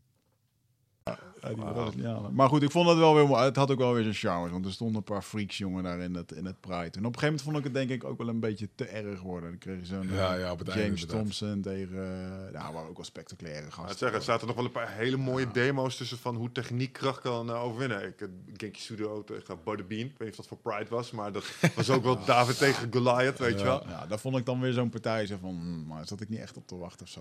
Minoa heeft ook veel mensen gepakt toen op, op beenklemmen. Maar ja, die, Ja. die gingen dan tegen, vaak tegen grote, zware gasten, maar die dan niet konden grondvechten. Ja. En dan zetten ze dan zijn Minoa tegen. Dus het was echt wel... Dat was... Pride werd inderdaad, wat je zei, op het laatst werd het te veel entertainment en te weinig sport. Ja, we, we Ja. ging richting showworstelen. Ja, ja. Terwijl het, Saku, het Sakuraba Gracie... Ja, eh, dat was toch geweldig, Dat is een ja. legende, jongen. Ja, Dat, eh, ja. ja. Ik vind ook nog wel gaaf dat ze later nog een keer hebben gerold. Toch, eh Renzo en eh, Renzo Sakuraba, hè? Ja. in dat Metamoris verhaal. eh, Ja. Ja. Hoe is het met Sakuraba eigenlijk? Dat is volgens mij wel gewoon goed. ja. Houdt van, houdt van een peukje en houdt van een... Een eh, drankje. Ja, dat vond ik zo mooi. Die gast was altijd gewoon... eh, deed alles wat God verboden had, gewoon tijdens de vechten. Zo'n supertalent, niet normaal. Ja. En die, die, die wedstrijd tegen Horace Gracie dan. Nou, Ja, ja, ja. duurde 2,5 uur of zo. ja. Jeetje, dat was ook bizar. Ja, dat is echt time limit. eh, Je hebt nog met Royce, Royce Gracie in eh, Indonesië. eh, Hij heeft eh, de gym geopend in, eh, in Indonesië inderdaad, ja. Ja, Ja, ja, superleuk. Hij heeft een seminar er ook nog gegeven. En het is natuurlijk gewoon een legende. Ja, eh, winnaar van de eerste UFC, de tweede en de vierde volgens mij. Hè? Mhm. Ja, gewoon eh, dat alleen al. Ja. En eh, nou, hij heeft nog een seminar gedaan. Ja, we zijn even daar. eh, nou, hij is daar een paar dagen geweest. Ja. Ja Wat, doet hij nu nog? Hij renteniert een beetje van zijn... eh, hij doet veel seminars en daar verdient hij ook nog best wel veel geld mee. Ja, dat geloof ik wel. Ehm, hij, eh, hij is ambassadeur van Bellator. Dus daar eh, zal hij ook wel wat mee verdienen. Dus daar, hij- is bijna bij elk Bellator-evenement is hij erbij. En dan doet hij vaak meet and greets. En dan doet hij wat andere dingetjes voor Bellator. Leuk. Ja. Maar eh, ja, ja, wel leuk dat ze hem erbij houden. Zoals een eh, ja, man. echte legende is het gewoon. Ja. Ja. Ja. Ja. Als je dan kijkt naar die seminars, ehm, een van de dingen die mij altijd heeft gefascineerd aan met name het Braziliaanse jiu-jitsu, maar in het MMA heb je het natuurlijk ook, is dat, ehm, dat er soms bepaalde technieken eh, een bepaalde tijd even hip zijn. Eh, Ja. we, we zaten toen met Draculino en wat was het toen ook weer helemaal eh, het ding? Die bo- bola, Berimbolo. Was dat helemaal het ding Ja. en dan zat iedereen, was iedereen daarmee bezig. En toen was het weer butterfly guard en toen was de electric chair. Ehm, wat zijn ontwikkelingen die jij eh, vanuit, vanuit je grondwerk recentelijk, waar, waar je zelf nog eh, verfijning hebt geleerd? Dat je zegt van, oh hey, vet, dit is wel echt een nieuwe manier van dingen doen. Ja, kijk, wat je, wat je ziet, ik hou natuurlijk precies in de gaten wat er gebeurt op het MMA-gebied voornamelijk. Hè? Mm Brazilian Jiu-Jitsu natuurlijk ook wel. Alleen, ik ben wel mee eh, van mening dat het tegenwoordig het Brazilian Jiu-Jitsu, het sport Brazilian Jiu-Jitsu, is, ja, dat past niet zo bij mij. Heel veel rollen, heel veel mooie technieken doen, heel veel... Het ziet er heel fancy uit soms. Heel fancy. Ja. En, en, en ik vind het ook echt super cool om te zien. Alleen ik hou weer meer van effectiviteit. En dat komt misschien ook omdat ik een MMA-inslag heb. Ja, ja, snap ik. En ik merk ook dat de mensen van vroeger, bijvoorbeeld Jucão is een goede vriend van mij. Hij was toen eh, kampioen EDCC eh, in Brazilië toen de tijd. Eh, hij is nou een van de eh headcoaches van de American Top Team. Ja, hij heeft American Top Team in Atlanta, maar hij heeft, hij heeft een aantal goede jongens on- onder zich. Volgens mij Lima ook, die, die die afgelopen week nog gewonnen had. Dat een miljoen dollar toernooi volgens mij hè, bij Bellator. Dus daar is hij ook de coach van. Ehm, wij, ik heb met laatst met hem gesproken, Marcus Aurelio, eh Minotauro. Wij zijn toch meer van, oké, die oude, nou, ik wil niet zeggen de oude technieken, maar de, de basis is zo belangrijk. En Ja. sport jiu-jitsu is leuk en een beetje punten spelen en mooie bewegingen maken, is, ziet er gaaf uit. En soms is het ook best wel effectief hoor, dus ik wil niet gelijk helemaal alles bashen. Maar ik vind dat het een beetje dichter bij de kern moet blijven. Ja. Dat vind ik persoonlijk. Dus dat is een beetje dat ik niet te veel daarin mee wil gaan, bewust niet. Ehm, bij mixed martial arts zie, zag je bijvoorbeeld in het begin, waar we het net al ook over hadden. Hè, de- dus hier is het niveau van de, van, van de ene, hier is het niveau van de andere. En dat is allemaal een beetje naar elkaar toegekomen natuurlijk. Of ja, deze heeft zich eigenlijk meer opgetrokken. Dus Ja. vroeger, je zei het er straks al van, ja, wat is een guard eigenlijk? Dat wisten ze toen nog niet. Dus iedereen weet nou hoe je op de grond moet vechten. Iedereen weet nou hoe je, hoe je moet worstelen, hè, min of meer. En iedereen weet nou hoe je een stoot of een trap moet geven. Alleen dan gaat het erom, oké, toen kwam dat het, het- toen kwam om de hoek kijken dat, eh, dat, dat bijvoorbeeld eh, conditioning, strength and conditioning, dat dat heel belangrijk werd. Dus iedereen ging heel veel strength and conditioning doen, want iedereen kon alles al sowieso. Toen in één keer werd afvallen heel erg belangrijk. Dus je gaat erin met, eh, eh, met 65 kilo, ga je, sta je op de, op de scale. En dan de volgende dag ben je eh, 75 of 72 of 73 ja, ja, kilo. Dat werd toen een heel ding. En dan zie je toch ook wel weer dat er daar een aantal mensen zijn daar best wel, eh, nou ja, sommigen of heel erg ziek van geworden of echt problemen met het lichaam gekregen. En ik was er zelfs een keer bij met One Championship dat er iemand is overleden. Dat is een, dat is een Chinese jongen is toen overleden. Eh, Als gevolg van weight cutting. afgevo- als gevolg van weightcutting was een lichte jongen ook. Volgens mij 61 kilo of zo, misschien nog wel lichter. Maar wij zagen hem al. Ik was daar met Anthony volgens mij. Met Anthony was ik daar. was in de Filipijnen. En wij zaten in het zwembad zo'n beetje te chillen. En toen zagen we hem al de hele tijd rondlopen. En zo'n zweetpak aan in de echt superhete zon. En dan zijn, zijn trainer die hem dan meetrok zo. Hè, die, die, die, die, ja, die liep maar met hem mee om te laten bewegen. En die kreeg toen eh, multiple strokes en heart attacks. Oh, Jesus. Dus het is gewoon overleden. Het jongetje was 1, 22 jaar of zo. Ja. Dat was echt verschrikkelijk. Dus dat is, dus dat je ook, wat, dat is de andere kant weer. Ja, One ja, Championship heeft wat dat betreft wel weer goed gedaan. Dat je dus, eh, je moet, wordt volgens mij drie keer getest op je, op je hydration en op je gewicht. En dat moet dan, eh, dus je, je, je Zodat vecht- je niet zo'n weight cut ja, kan doen. ja, Ja, ja. helemaal niet. Dus je vechtgewicht moet je walk-around weight zijn. Ah. Dus dat vond ik op zich wel goed. Ja, dat. Ehm, dus dat was toen een dingetje in het MMA. Toen werd in één keer het ding van... Dat zag je ook weer dat eh, bijvoorbeeld eh, strikers kregen toen weer een beetje het voordeel. Dat zie je nou ook. Hè? Vaak zie je hele goede grondvechters, maar die zijn toch staande bezig. Omdat die takedown maken, dat lukt soms nog wel eens. Maar Ja. de nieuwe stijl is weer een beetje gelijk opstaan weer vanuit de grond. Dus daar focus op gego- gegooid worden en gelijk opstaan. Gegooid worden en gelijk opstaan. eh, staan. En dat is die grind die je dan krijgt. En die, die kan ook al ben je een goede worstelaar, dan kan je toch wel helemaal kapot maken. Ja, Waarom denk je man. trouwens Echt dat is? heel vermoeiend. Ja. ja. Waarom denk je dat het is? Eh, Omdat het gewoon moeilijker is om een striker tegenwoordig te submitten, omdat hij een basis... Kijk, elke striker Ja. heeft tegenwoordig denk ik wel een takedown defense. ja. Die, die, die weet wel hoe hij moet sprawlen. En die weet misschien ook wel hoe hij zich moet gedragen als iemand op, in de mount zit. Hij kent de basis nu misschien. En daarom is het meer opstaan, eh, werpen, opstaan? Ja, het is meer van, van dat mensen dus aan focussen om gewoon op te staan. Ook al zie je gewoon bijvoorbeeld goede grondvechters, maar die komen onderop, die worden gegooid en boem, die staan gelijk weer op. Maar dat is gewoon, dat, dat, dat is gewoon zo zwaar, dat maak je zo kapot. Dus je wordt, eh, ja, je, vaak hè, dan word je al niet zomaar meer gegooid. Gaat het eerst tegen de kooi aan. Vanuit Ja, de ja. kooi wordt er ge- eh, naar bepaalde mogelijkheden gezocht om iemand op de grond te gooien. Nou, iemand komt op de grond en die, gaat, die staat gelijk weer op. En dat kost zoveel energie. Wat zou een reden zijn voor een grondvechter, die misschien wel het voordeel is, op zijn rug met iemand tussen zijn benen, om dan toch weer op te staan? Ja, omdat het toch niet zo makkelijk meer is. Want wat je al net al zei, iedereen die weet al de. Kijk, het is makkelijker om technieken te verdedigen, of submissions te verdedigen en takedowns te Ja, verdedigen, ja, ja, ja. dan aan te vallen. Dus op het moment dat jij onder, bovenop zit en je houdt alles dicht, is voor degene die onderop zit, is het echt moeilijk om een geval. Je bent al, je bent al warm, je bent aan het zweten, Ja. je weet al wat baastechniek, je slipt er alweer zo uit. En ja, daarnaast mag je ook nog eens een keertje erbij stoten, ellebogen geven, ook, want die elleboog is ook weer een ander verhaal. Ja. Vroeger bij Pride bijvoorbeeld mocht je alleen lange stoten geven, dus geen ellebogen. Eh Shooter had dat ook. Nu bij, bij, bij, eh, bij de UFC, door de Unified Rules, mag je ook elleboog geven. Dus vanaf hele close range kan je ook al best wel schade aanrichten. Mhm. En dan is het nog moeilijker voor een grappler om iemand vanuit zijn rug te submitten. Dat zie je ook bijna niet meer. Ja, en je loopt een risico natuurlijk op het moment dat je submission inzet en die gaat niet. En hij Ja. kan verbeteren ten opzichte van ja, voor het hele je side position. Ja, dat Nieuw bijvoorbeeld. Ja, Ja. precies. Of eh, ontsnapt en dan krijg je gelijk weer een stoot eroverheen. Die kan ook niet vrij zomaar met je handen gaan grijpen.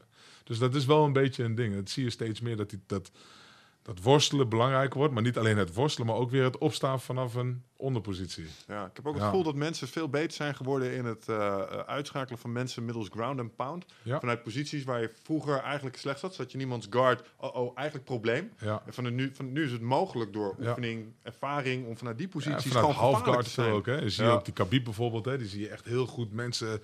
Die, die kan dan wel weer heel goed worstelen. En echt iemand goed op de grond houden. Die benen opsluiten, vastzetten. Of vanuit halfguard controleren en vanuit daar stoten. Ja. Totdat iemand echt zoveel klappen krijgt dat hij een foutje maakt. En dan gaat hij wel weer Ja, ja, ja, ja. Bij Conor Ja. McGregor deed bijvoorbeeld. Vet hoor, die laat echt geen centimeter ruimte. Nee, ja, het is ook mooie weer dat echt weer een eh, one of a kind. Hoe dat hij op die uh, halfguard ligt en dan eh, gewoon inderdaad uh, dus wreven over iemand zijn voet heen zet, vastzetten, weet je wel. En dan, Ik, ik weet dat het misschien iets te veel eer voor hem is, maar ik moet bij Khabib altijd denken aan Bram. Maar, maar, zo was ook zo'n zo'n zo'n 100 natte dekens die op je Ja. bed gegooid. Die had ook zo'n irritante druk, jongen, altijd. Een jongen waar we vroeger altijd mee getraind hadden. Zelfde bouw, ook voor die oren. Brammetje. Ja, wat denk je van eh, Rico Badder? Even een heel ander onderwerp. Ja, Ik denk, ik, ik kijk, oké, dus heel moeilijke voorspelling. Vorige keer toen ze tegen elkaar vochten, zei ik Rico. Deze keer denk ik dat ik Barre zeg. Waarom? Ehm, ik zag Barre toevallig, een paar weken geleden. Hij ziet er echt strak uit. Echt Jacked. jacked. Niet groot, maar wel atletisch en sterk gewoon. Zie je dat hij gewoon hard traint. Badde heeft me wel eens verteld, in zijn hoogtijdagen in Pride trainde hij een paar keer per week maar. Dus niet eens vaak, niet tien keer per week. Dat deed hij absoluut niet. Als hij al vijf keer per week trainde, Was is dat veel. Tenminste, dat is waar, wat hij zei. Nu, ik weet dat toen Alistair de eerste keer tegen hem vocht en won van Badde, heeft Badde daar gewoon een jaar lang aan gedacht. Elke dag zei hij, dat zei hij na die wedstrijd, hè, da- nadat eh Badde tegen Alistair vocht en toen van Alistair won, toen zei hij tegen mij, hij zegt, nou, ik heb elke dag eraan gedacht. Elke dag werd ik chagrijnig wakker. Elke dag was ik ermee bezig. en dat heeft hij natuurlijk nu ook tegen Rico. Want vorige keer heeft hij tegen Ja. Rico verloren. Ook eigenlijk een beetje op een lullige manier. En ik weet gewoon, het zit Badde niet lekker. Ja. En hij is wel een van de meest getalenteerde vechters ter wereld. Van het kickboksen. En als hij zijn kop goed heeft en hij heeft hard getraind. Hij heeft die focus wat er heel erg op lijkt. Denk ik wel dat hij kan winnen van Rico. Ja. Rico daarentegen, sterke gozer. Goed technisch. eh, houdt alles dicht. Niet bang. Eh, ja, het is natuurlijk echt een blok beton waar die je tegen je hebt staan. Maar ik weet niet, Badde is toch, eh, ja, toch weer wat anders. Wat het grootste risico is, denk ik, voor Rico, is niet eens wat binnen het vechtsport zelf. Hij was toen bij, bij Joe. Rogan. Ja. Hij is al verder aan het kijken dan zijn vechtcarrière. Ja, kijk, dat is het ook. Kijk, ik weet dat Badde die 100% focus heeft op die wedstrijd. Hij wil gewoon Ja? kosten wat kost dit, deze wedstrijd winnen. En Rico die zegt dat ook, hè. Die zegt ook van, ja oké, nou ga ik voor deze wedstrijd een paar maanden lang verban ik alles uit mijn leven. Maar ja, ja, ik weet niet of dat echt zo is. Hij, wil hij heeft toch wel acteren aspiraties. Hij is voice Eh, actor, hij wil de ja. films in. Volgens mij heeft hij al een filmcontract ergens. Dus dat, dat Ja. speelt mee in dat je hoofd. speelt toch mee. En ja. ik denk dat je dan ook al voorbij de horizon van het vechten aan het kijken bent. En als, als er een wereld buiten dat vechten bestaat, Ja. dan vind je het misschien ergens voor 2% ook helemaal niet erg. Ja. Weet je wel, er, zit ergens... Ah, fuck it, ik heb toch nog een acte. Ja. Weet ik niet, kan Ja. niet in die jongens hoofd kijken, maar het zou me Nee, kunnen maar zo, dat denk ik ook. Dat gevoel heb ik ook. En ik denk wel dat hij nou, want er, gaat, er komt natuurlijk zoveel druk op. Hè, iedereen die heeft het erover. Het is eigenlijk hier een wedstrijd weer wat met mensen Ja, bezighoudt. Dus hij krijgt ook van alle, vanuit alle kanten. En ze zijn natuurlijk ook echt niet super vriendelijk naar elkaar toe. Dus dat speelt ook mee. Hè? Dus je bent echt super gefocust. Alleen, het is wat jij zegt, die 2% misschien. Ja, denkt van, ah, ja, dat, en dat is, dat, dat, die 2% tellen wel. Maar ja, dus ik denk voor deze, eh, voor deze wedstrijd dat Barderum... eh, Ja, ik denk dat het, wat, hoe ze dat omschrijven, is honger. ja, Ik denk dat Badder een bepaalde honger voelt nu. Die, die hem brandstof geeft voor tijdens zijn trainingen, voor daarna. Dat het enige is waar je aan denkt, jongen. Ja. Ik kan me er wel iets voor voorstellen. Ja. een idee trouwens, dat Badder Hari elke dag aan je denkt en boos op je is. Lijkt me een heel na idee. Ja, ik had het altijd met, eh, omdat je dan een beetje dicht bij de ring zat en zo. Eh, er waren een paar gasten waarvan ik altijd dacht van, daar wil je gewoon, dat lijkt me gewoon eng om daar tegen te staan. Mhm. Een van de eerste gasten die echt die indruk op maakte was Gokhan Saki. ja. Toen verloor hij die partij wel, toen brak hij zijn eh, scheenbeen volgens mij eh, met een low kick. Tegen wie was? Tegen Petro, Petro eh, een of andere- In Ahoy was dat, Ja, of? was in Ahoy volgens mij. Zijn, eh, eh, zijn voet, volgens mij, ja. voet bakt hij. Ja. Maar dat hij echt, eh, die, ja, gewoon die... Ja, dan is het toch een beetje ook die, die, die Turkse wolf, eh, Ja. of, of dat Zo leeuwhard, zou ik, ik wou zeggen, zo zou ik het niet willen noemen, maar... het is Nee, Turkse maar gewoon spirit, het, ja. eh, hoe noemen we dat? Gewoon eh, de Turken, Marokkanen. Het, vo- het, vocht gewoon, het vocht gewoon anders. Ja. Het vecht gewoon anders, weet je? Er zit gewoon een bepaalde... Ja, Gökhan heeft wel echt, een- echt die, die focus. En hij is ook natuurlijk op een tof sportman. Maar als hij tegen je staat, dan wil hij wel, eh wil hij wel doen. doorheen. Ja, Ja. dat, ja, Ja, er zit en een soort ja. gif in of zo. ja. Ja, daarna is het allemaal weer helemaal goed. Eh, ook, ook helemaal oké. Alleen in de wedstrijd wil hij wel echt pijn doen. Ja, Ja. En, eh, ja. En Melvin, Melvin Manhoef heeft dat Ook. ook. Ja. Dat wel Sia, zo. die heeft dat ook heel erg. ja. Moor, er zit iets van moordenaars in die gasten. Ik, heb dat, ik, vind dat, ik weet nog wel, mijn eerste partij sta je tegenover zo'n gast. Denk, ik, moet jij nou zo meteen gaan slaan of zo? Daar heb ik geen zin in. Wie ben je eigenlijk? Weet mooi, je? ik had je laatst die foto gestuurd. Hè? Ja, ja, ja, ja, ja, ja, ja. Wat een bonustaak, hé. Ja, niet normaal, hè? Dat was een paar Ja, ik zelf ook. geleden. Ja. Hoe oud is je toen? Ik was toen eh 18. Wauw. Ja, 18, hè? Ja, Niet dat normaal. was- Weet ja, je, en ik mag ook vertellen hoe het ging of niet? 80. Ja, tuurlijk mag je dat stellen. Nou, dus Michel die, die had, eh, nou, goed getraind hoor. En, had, eh, lekker, en hij wilde ook een wedstrijdje doen. Dat was het allereerste shooter-evenementje in, In de- Deventer. in, in Nederland. In Europa zelfs. Ja. Dat was amateur shooto en eh, ja, dat was dus het ding. En dus ik, ik had het georganiseerd. Ik had natuurlijk mijn jongens die ik moest trainen, maar er was ook geen scheidsrechter, want het was nieuw in Nederland. Dus ik ging zelf maar scheidsrechteren. En, eh, dus ja, goed, wel eh, onpartijdig uiteraard. En eh, mijn jongens hadden het vaak nog wel zwaarder dan de andere jongens. Hè, want ik, ja, dat wil je echt niet tegen hebben, Ja. dat, je, dat ze denken dat je partijdig bent. Maar ja, het begon dus zo. En, en, en, en die lange die stond daar zo. Tegenover die andere jongen. Dat was echt zo'n stalky gast ook. Zo'n zo'n zo'n kleine brede gast. die kung fu. Ja. Dat was zo'n kamploeng, hè? En eh, toen, toen sloeg hij jou neer met iets of zo. hè? Met een stoot, zo'n overhand right of zo. Bam! En die, maar omdat die jongens natuurlijk kleiner... Dus dat is automatisch. Dat is heel vaak hè, met lange mensen die tegen kortere mensen moeten vechten. Die staan natuurlijk zo met een dekking. Want ze kijken naar beneden naar die jongen. Dus die komen, die, die kleine jongens die maken dan het wegen naar beneden. En die komen er overheen met zijn overhand. En eh, ja, daar werd hij dus mee geraakt. Dus hij ging, paf, die ging neer, die lange. Maar toen de tijd waren er nog acht tellen. Nee, met shooter was het, amateur was het vijf tellen. Moest je binnen vijf tellen moest je hersteld zijn. Dus ja, ik was de scheids. Dus Michel ligt op de grond. Ik zo, lange, één. Dus hij, hij staat op zulke ogen natuurlijk. Ik zo, twee. Niet, op, niet opgeven houden. Drie. Vier. Nou, vijf. Hij dacht van, ah shit, het moet maar weer. Dacht hij. Maar eigenlijk had hij helemaal geen eens Ik ben verzin. naar huis, jongen. Hij wilde naar huis. Maar toen dacht hij van, nou ja, ja, ja, nou ja. Ik keek hem ook niet echt heel vrolijk aan. Dus hij denkt van, nou is goed, we gaan er maar weer voor. Dus die jongen die komt er weer aan en hij denkt van, nou sla ik hem uit zijn sokken. Dus hij komt dan met die stoot en Michel had dat heel goed gezien. Dus alleen dit zo. Met het lange lichaam van hem. En die jongen die slaat mis. En die valt dus gewoon zo hard dat hij sloeg, viel hij zelf op de grond, omdat hij miste. Nou, ja, de Michel die keek zo, hup, erbovenop. De Mataliaan, naked choke. Het nooit meer loslaten. enige, echt serieus. Ik heb, ik heb later die wedstrijd teruggezien en toen dacht ik, oh, heb ik dat echt allemaal gedaan? Het enige wat ik echt nog weet, Je wist het Is- helemaal niet meer dat je dat is deed. Martijn, ik lig zo en ik, ik voel Martijn zo aan die choke, laat hem los. Hij staat aan het kloppen. Zo, nee, nee. Ja, dat was echt super tof. Mooie tijden, hè? Ja, je dat bent heeft wel... ongeslagen ben jij, of niet? Ik ben ongeslagen. Ja. ja. In het, eh, tenminste in het MMA. Ja, Ja, ja, 100% track record. Doe je nog Ja, iets mooi. met eh galas in Nederland? Ik binnenkort op, eh, uit mijn hoofd, 15 december doe ik weer een klein eh Shuto amateur evenementje in Nederland. Oh, leuk, Vond ik wel weer leuk om te doen. Ja, dus dat... eh, ik heb dat een keer toen, de laatste keer dat ik... Nee, het is niet de, een, niet de allerlaatste keer. Het was de eerste keer dat ik vocht. EK in eh, EK Shoto in, eh in Charleroi. Charleroi. Van alle of all places, jongen. Wat slecht.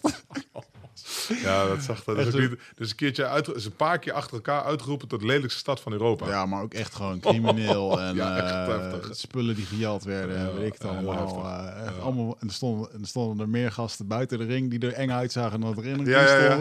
stonden. Hoe kwam je daar terecht, man? Want, Ja, Ludo Boelvin, dat was een van de, van Ah, de ja. jongens die, eh, uit België. Die, eh, die, eh, die vond Shuto ook leuk. En Ja, die, ja, ja. die heeft met mij contact opgenomen. Die heeft met mij getraind een tijdje. Toen zei hij van, ik zou het wel in België willen doen. Maar Ah. hij woonde daar toevallig. ja, ja, ja. Dus ja, toen is het eigenlijk, zo is het eigenlijk gegaan. Ah, ja. Ja. Ja. Grappig, we hebben echt heel veel evenementen ook gedaan in, eh, in Europa. Met Shuto amateur en zowel professioneel ook. We hebben professioneel meer dan 100 evenementen gedaan. Ja, man. Ja, Altijd dat ging toch? toen, wat zei je? Ja, In Ede onder andere? Ede onder andere, maar Nederland dus veel. Maar ook in, eh, in Finland met Marco Leijsen, die nou de, de president van eh EDCC, EDCC is. Ja. World. Ehm, eventjes kijken. ehm, Finland was dat Zweden, Denemarken, Duitsland, Italië, Frankrijk, Spanje. Overal hebben we evenementen gedaan. Polen zelfs nog.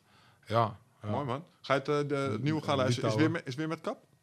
Nee, nee, nee, dat is zonde. Ja. Ja. Ja, dus we geven nog wel de optie. Hè. Vroeger was het natuurlijk met de hoofdbescherming, scheenbeschermers, kniebeschermers, et cetera, et cetera. Echt om die, om die stap van grappling bijvoorbeeld naar MMA ja, ja. eh, echt eh, eh, klein, te, klein te maken. En dat, dat, we geven mensen nog wel de mogelijkheid om het te doen. Ja. Want ik vind wel van, ja kijk, die, die, die amateur-evenementjes gewoon voor de leukigheid en het, en het bouwen van het niveau, eh, het MMA-niveau in Nederland. Dus ik vind ik ook dat iedereen hè, eh, daaraan mee moet kunnen doen. En daarom eh, bieden Ja. we het wel aan, maar de meesten willen liever natuurlijk zonder kap vechten. Ja. Ja. en die wedstrijden wordt over het algemeen gedaan. Ja. Ja, het ziet er ook wel iets cooler uit. En ze Ja. zijn lastig voor de oogjes. En ik spreek hier uit ervaring. Zo Zo. heel veel houden ze de boel toch niet tegen. hoor. Nee, het is Ja. niet echt een... Doet nog steeds zeer. Ze zeggen voornamelijk ook als je valt dus, hè, nou ja, dat heb je misschien ook zelf kunnen meemaken. Je achterop die kap zit een wat verdikking. En dus als je met, nou, vaak is die knock-out ook, je krijgt hier die klap, je evenwichtsorgaan die wordt een beetje eh, Ja. heen en weer geschud. Dus je valt naar achteren en vaak als je op de grond valt, je bent een soort van ontspannen hè, eh, toestand. Boom, dan val je met je hoofd op de grond. Dat is vaak wat de echte KO. Ja, ik Ja, heb twee echt spannende dingen meegemaakt tijdens training. De eerste was dat Jaspers mij een enkelklemmetje doortrok. Daar was het. Jasper Best, dat was toen nog eh, bij Tatsugen uh, Oh, Deventer. Dat ja. was een creepy. Maar die andere, die sluit hierbij aan. Dat was Arnoud, die haakte mij. Weet je nog? Arnoud Ja. Spithover. En Ja. toen viel ik inderdaad ook achterover. Net met mijn kop buiten de mat. Ja. Daar heb ik echt lang last van gehad. Ja. Dat was echt, ja. Ja. Ja, ja, normale mensen die- vallen ik binnen. dacht, vallen de binnen. Ik weet wat jij denkt. Ik dacht dat je die suplex ging vertellen uit Os toen. Nee, nee. Oh, ja, dat was ook een verhaal. Commisio kwam een keer in Os trainen. en Toen hadden wij net Piotr. Piotr de Pol. ook allemaal van die grote tatoeages met zo'n grote demonenkop op zijn ding. Sprak geen woord Nederlands. Zit iets in het water daar, jongen. Maar heette die wel echt Piotr of heb je gewoon Piotr genoemd? Ja, wij noemden hem tak-tak, omdat tak-tak in het Pools is ja, Ja, of ja. zoiets. Hè? Dus eh, wij noemden hem gewoon... En hij zei vaak, zei hij gewoon... eh, hij zei- als ze zeiden, Piotr oké, zei hij tak-tak. Weet je wel? Maar op een gegeven moment weet hij, heet hij gewoon tak-tak. En toen hadden we Mark, eh, Mark de Reus die bij ons trainde. Super lieve gast, weet je wel. Best wel, eh ja, forse jongen. En, eh, en, en, ja, ik denk dat hij wel tegen de... Nou, die zat al over de 100 kilo, denk ik. Ja. Makkelijk. En op een gegeven moment... eh, wij zitten gewoon lekker eh chill te sparren op een vrijdagmiddag. Hij er ook bij. en op een gegeven moment hoor. Boom! Echt zo. Wow, echt al die ogen zo naar Piotr. En die Mark die lag helemaal... Had hij gewoon even een suplex gegeven aan die Mark. Van Oh, op training. Tering, jongen. Echt gewoon...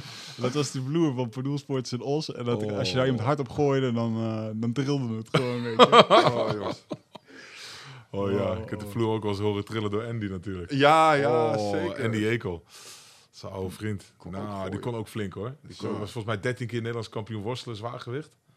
Ja, nou, dat- ik weet dan- nog wel, jongen, de ben ik eigenlijk wel benieuwd naar. Want dan gaan we wel eventjes naar een... eh, dat is een natuurlijk een kutverhaal voor jou, want het is een goede vriend van jou. Ja. Maar wat is eigenlijk de reden dat hij eh, zelfmoord heeft gepleegd? Ja, dat is moeilijk om te zeggen. Dat, eh, dat weet ik eigenlijk niet per se. En hij, ik denk dat hij het zelf ook niet helemaal wist. Misschien ook wel heel diep van binnen. En die, eh, en die zoals eh, de mensen die mij kennen weten, was echt mijn broer. Mhm. wij waren dag en nacht samen. Nou, die heeft inderdaad zelfmoord gepleegd. En op 42-jarige leeftijd, als ik het niet mis, als ik het niet vergis. En ja, hij zei, eh, ja, ja, ja, hij zei, hij zei tegen mij wel eens, van ook over andere mensen, dat is echt een Deventenaar, hè. Je kan mensen wel tegen de kop aankieken, maar er niet in kieken. dus je kan wel tegen de hoofd aankijken, maar niet erin kijken, wat er echt aan de hand is. En hij denkt zelf, zat hij misschien met, met dingen uit zijn verleden. eh, ja, ik weet het niet. En, en, en ik, ik had het idee dat hij het... Ja, natuurlijk een soort van depressie zal het zijn geweest, hè? En Ja. het is ook iets wat wij niet kunnen begrijpen, denk ik. Als je Oh, zelf ja. niet depressief bent geweest. Nee. Als je zelf, Oh, dus ja. Het is gewoon iets wat in hem zat. Als je dat voelt. En hij zei ook van, en, eh, in die periode, van hij viel heel erg af, maar gewoon van stress. Dus hij heeft een bepaald soort stress gehad. En eh, ja, en ik had wel het idee dat hij daar zelf, dit zelf eigenlijk ook liever niet wilde. In, in eh, wat ik bedoel is, hij wilde liever geen zelfmoord plegen of hij wilde eigenlijk niet dood. Maar hij kon daar niet mee omgaan op een andere manier. Misschien is er iets, Ja. ja, dat is moeilijk om te zeggen. Dat kan, daar- dat kan daar weinig ik heb daar ook wel eens over zitten, zitten nadenken. De- de- omdat de- Andy, als je nou kijkt naar Warriors, zeg Zo. Maar. de- puur zang. de- de- zeg maar, hij is zeg maar de reden waarom de Romeinen zeg maar, op een gegeven moment niet verder kwamen als Germanië. Er liepen Ja, dat ja. soort gasten Ja. rond met bijlen. En als Zo een oerkracht, hè? je, Jezus Christus. En die was zo goed, zo groot en zo sterk. Als hij jou vast had, zo, hup, dan zei ik van ja, ja, ja, stop maar, stop maar. Is klaar, Je, ja. je dacht gewoon, als hij gewoon je om je middel vast had, Ja. dacht gewoon, hij breekt me gewoon in, in, in stukken gewoon. is niet te geloven. Ja. Zo sterk, maar ook, ook in de wedstrijd, weet je nog dat hij in diepveen vocht, vocht als je daarbij met Ik moest in Noor naar het ziekenhuis brengen, dus ik weet hoe dat afgelopen Eh, is. Ja. Dus hij moest daar vechten. Maar van tevoren, volgens mij zei jij dat net, dat mensen van tevoren echt heel erg zenuwachtig waren. Kortse van tevoren, grote vechters ook, hè. Maar dat de Andy ook. Dus heel erg zenuwachtig, angstig, ja. voordat hij de ring in moest. Echt gewoon boeren, eh, helemaal, helemaal zweten, helemaal na. Maar hij zei ook van, ik ben de grootste angsthaas, zei hij altijd. Alleen ik kan die angst voor mij gebruiken. Ja. Die angst die maakt hem sterk. Op het moment dat het moet gebeuren, bam, staat er. En dan is die angst een drijfveer misschien. En ja, dan heb je natuurlijk hè, dat, dat standaard verhaal van er zijn mensen die vluchten en mensen die vechten. Nou, hij bleef altijd vechten. Ging duidelijk in vechtmodus, ja. Ja, zeker. Nee, hij heeft toen die Noor zijn hoofd dus wat afgeslagen. Oh, ja. en, en die zat zijn lippen helemaal eh, Dus los dat zitten. helemaal was hier aan de binnenkant eh, ingeschoten. ja. Toen ben ik met die Noor nog naar het ziekenhuis Oh, geweest. Ja, ja, ja. ja, Ja.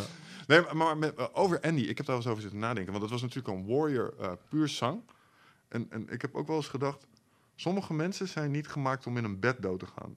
Ja. Snap je wat ik bedoel? Ja. O- omdat eh, voor dat soort mensen is misschien het, het ouder worden en het eh, ste- steeds minder in je, fysie- in je fysiek of zo, of, of jezelf minder sterk zien worden. Als dat iets is waar je jezelf altijd mee geïdentificeerd hebt, Ja. Ja. dat dat, dat dat nog wel eens een van de moeilijkste dingen kan zijn Kan. voor zo'n iemand. Kan. Daar heb ik echt wel eens over zitten nadenken. Kan meegespeeld hebben. Dat, Ja. eh, ja. Was natuurlijk de, hij is zelfs een aantal keren sterkste man van Deventer geweest. Ja, je, ja, we hadden ja, toen van die dingen op de brink en dan ja, was hij de sterkste man van Deventer volgens mij een paar keer.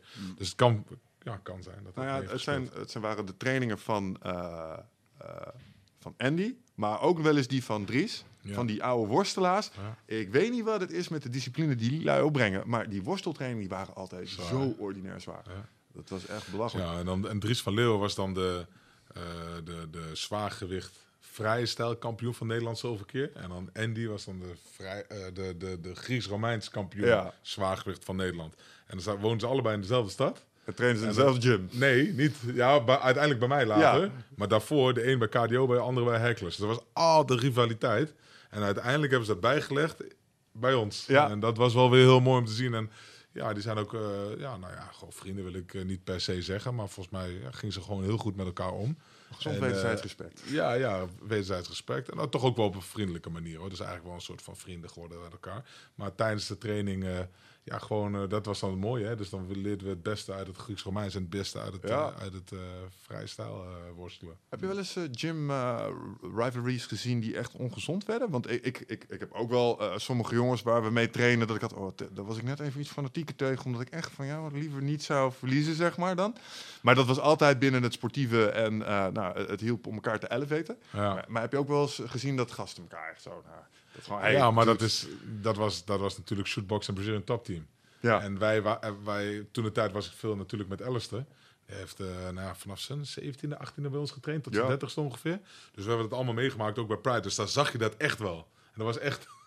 Die spanning voelde je gewoon. Als die, want we zitten natuurlijk met al die vechters in hetzelfde hotel. ja, En ze komen allemaal in de lobby op een bepaald moment. En die haten elkaar. Ja, die haten elkaar echt. die werden niet in dezelfde bus vervoerd naar de venue? Of Nee, nee, nee, nee, nee. Dat ging altijd in twee Ja, verschillende toch wel apart, ja. dat vind ik wel leuk aan Glory, mo- moet ik zeggen. Zit je ook nog wel eens in die bus en dan zitten gewoon de gasten die met tegen elkaar gevochten hebben. Gewoon heel chill, lekker naast elkaar, die hebben het er nog Oh. even over. Dat daarna. kan dan ook. Daarna, ja. Ja, daarna. daarna. Ja, niet erheen. eh, Nee, nee, nee. nee. ja. Dat is wel het leuke hè, van vechtsport. Iedereen heeft het altijd over. Ja, eh, ja, heel veel mensen hebben er een oordeel over. En gelukkig, het stigma gaat er nu een beetje af. Maar het is natuurlijk wel een van de meest eerlijke sporten ter wereld. Ja. En je zult ook zelden in een kickbox of een MMA-wedstrijd iemand eh, een, een, een, een rode kaart zien krijgen. Of iemand die doet bewust, maakt hij een overtreding. Terwijl je met voetbal, met elke wedstrijd, amateur of professioneel, eh, wordt er wel eens een keertje iemand van achter getrapt. Ja. Wordt sowieso een aantal keer gefloten. Als je pech hebt, krijg je een gele kaart. En een rode kaart komt ook nog wel regelmatig voor. Ja, ja, ja, ja. Maar bij MMA of kickboxen is dat gewoon niet. Dus je, hebt gewoon, je, je weet gewoon wat er kan gebeuren. Het is een harde sport. Alleen op het moment dat, ze, dat de wedstrijd voorbij is, dan zijn het gewoon vrienden. En dan is het gewoon, ik heb ook bij mijn tegenstanders van vroeger met de meeste heb ik wel een soort van band. Ja. Je hebt iets met elkaar geshared en heel puur iets. En dat is een bepaalde energie die je gedeeld hebt met elkaar. En dat is toch wel, eh, ja. Bloed, zweet en tranen, jongen. Dat Ja. heb je gezweet. ja, Dat ja, heb je gedeeld. ja, Ja. ja. Ja, Heb jij dat? Herken je dat? Jij met jongen? Ja, ik, heb nog steeds- ja, ik heb nog contact met, eh, vooral met Nico Lohman. Die, eh, en dat is wel grappig, want die vecht nu binnenkort tegen Stefan Leko in, eh, Oh, echt? in Duitsland. En, die Nico is echt zo'n gast, die, die doet alles. Laatst heeft hij een keer eh bare knuckle eh, heeft hij gedaan. Maar die vecht ook kickboksen, dan weer boksen. Die is daar helemaal in opgegaan. Dat is echt een beetje zo'n... eh, ik zal niet zeggen dat hij... eh, hij is niet een uit, uitblinker en alles, maar hij is gewoon een gast die gaat gewoon staan. En, eh, Ja. eh, K- Karel, Karel Staal. Ik- heb nog wat voor- stalen tank op zijn arm getatoeëerd, weet je wel. En, eh, super vriendelijke gast. En eh, ja, ik vind dat wel grappig. Ja, Ja, ja, Stefan Leko weer moet vechten ook weer, hè? Ja. Dat hij nog steeds vecht. ja. Ja, maar ja, dan, ja. Dan kunnen ze, gaat het toch een kriebelen. Krijgen ze, ik weet nog zeker dat, ik- dat hij kaarten verkoopt in Duitsland. Ja, 100%. natuurlijk. Heel veel. Ja. Heel veel. En, eh, Leek ook altijd meegetraind, ja. ja. Heb je nog wel een beetje uh, gelieten rap en zo? Zijn dat nog, uh, Ja? die trainen in Abu Dhabi nog steeds of zo? Dubai zit hij. Maar hij, hij traint een beetje, maar hij is gewoon echt een goede zakenman. hij, oké. hij doet echt gewoon zijn zaken daar. Ja, Ja. Niks meer met vechten. Nee, nee, vrij weinig. En soms doet hij nog een beetje petstraining of een beetje wat andere dingetjes. Maar ja, gewoon voor de bij om een beetje fit te blijven. Maar hij blijft nog steeds super gevaarlijk. Galit is een goede vriend van mij. En eh, als ik daar dan ben, ik, ik heb daar een tijdje ook wat proberen op te zetten. En dan gingen we vaak samen trainen. Vond het natuurlijk wel hartstikke leuk.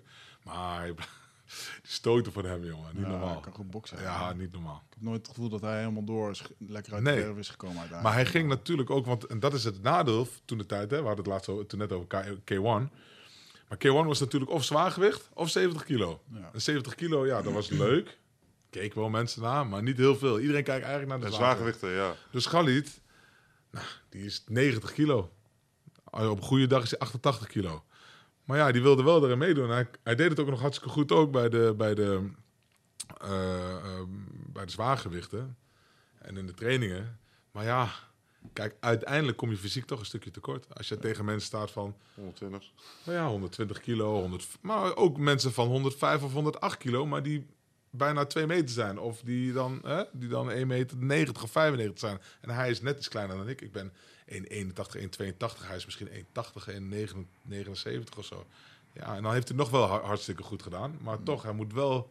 Hij loopt steeds tegen zijn eigen fysieke beperking op natuurlijk. Ja. Ja. Vraag.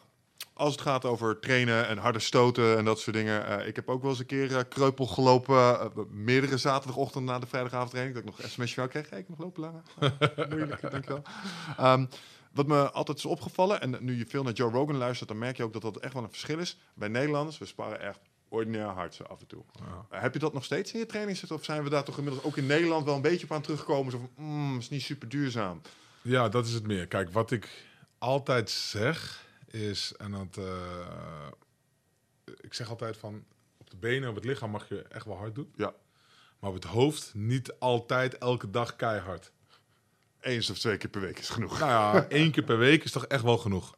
Ja, Ja. En, en dan ook nog niet kei en kei en keihard. Je hoeft elkaar echt niet knock-out te slaan. Je mag elkaar wel een flink tikkie geven, want je moet wel weten wat er gebeurt. Want het is wel realistisch. Kijk, eh, het is gewoon een contactsport. En je moet weten wat er gebeurt. Als je alleen maar aan het tikken bent of schaduwboksen en bewegen en rustig aanraken.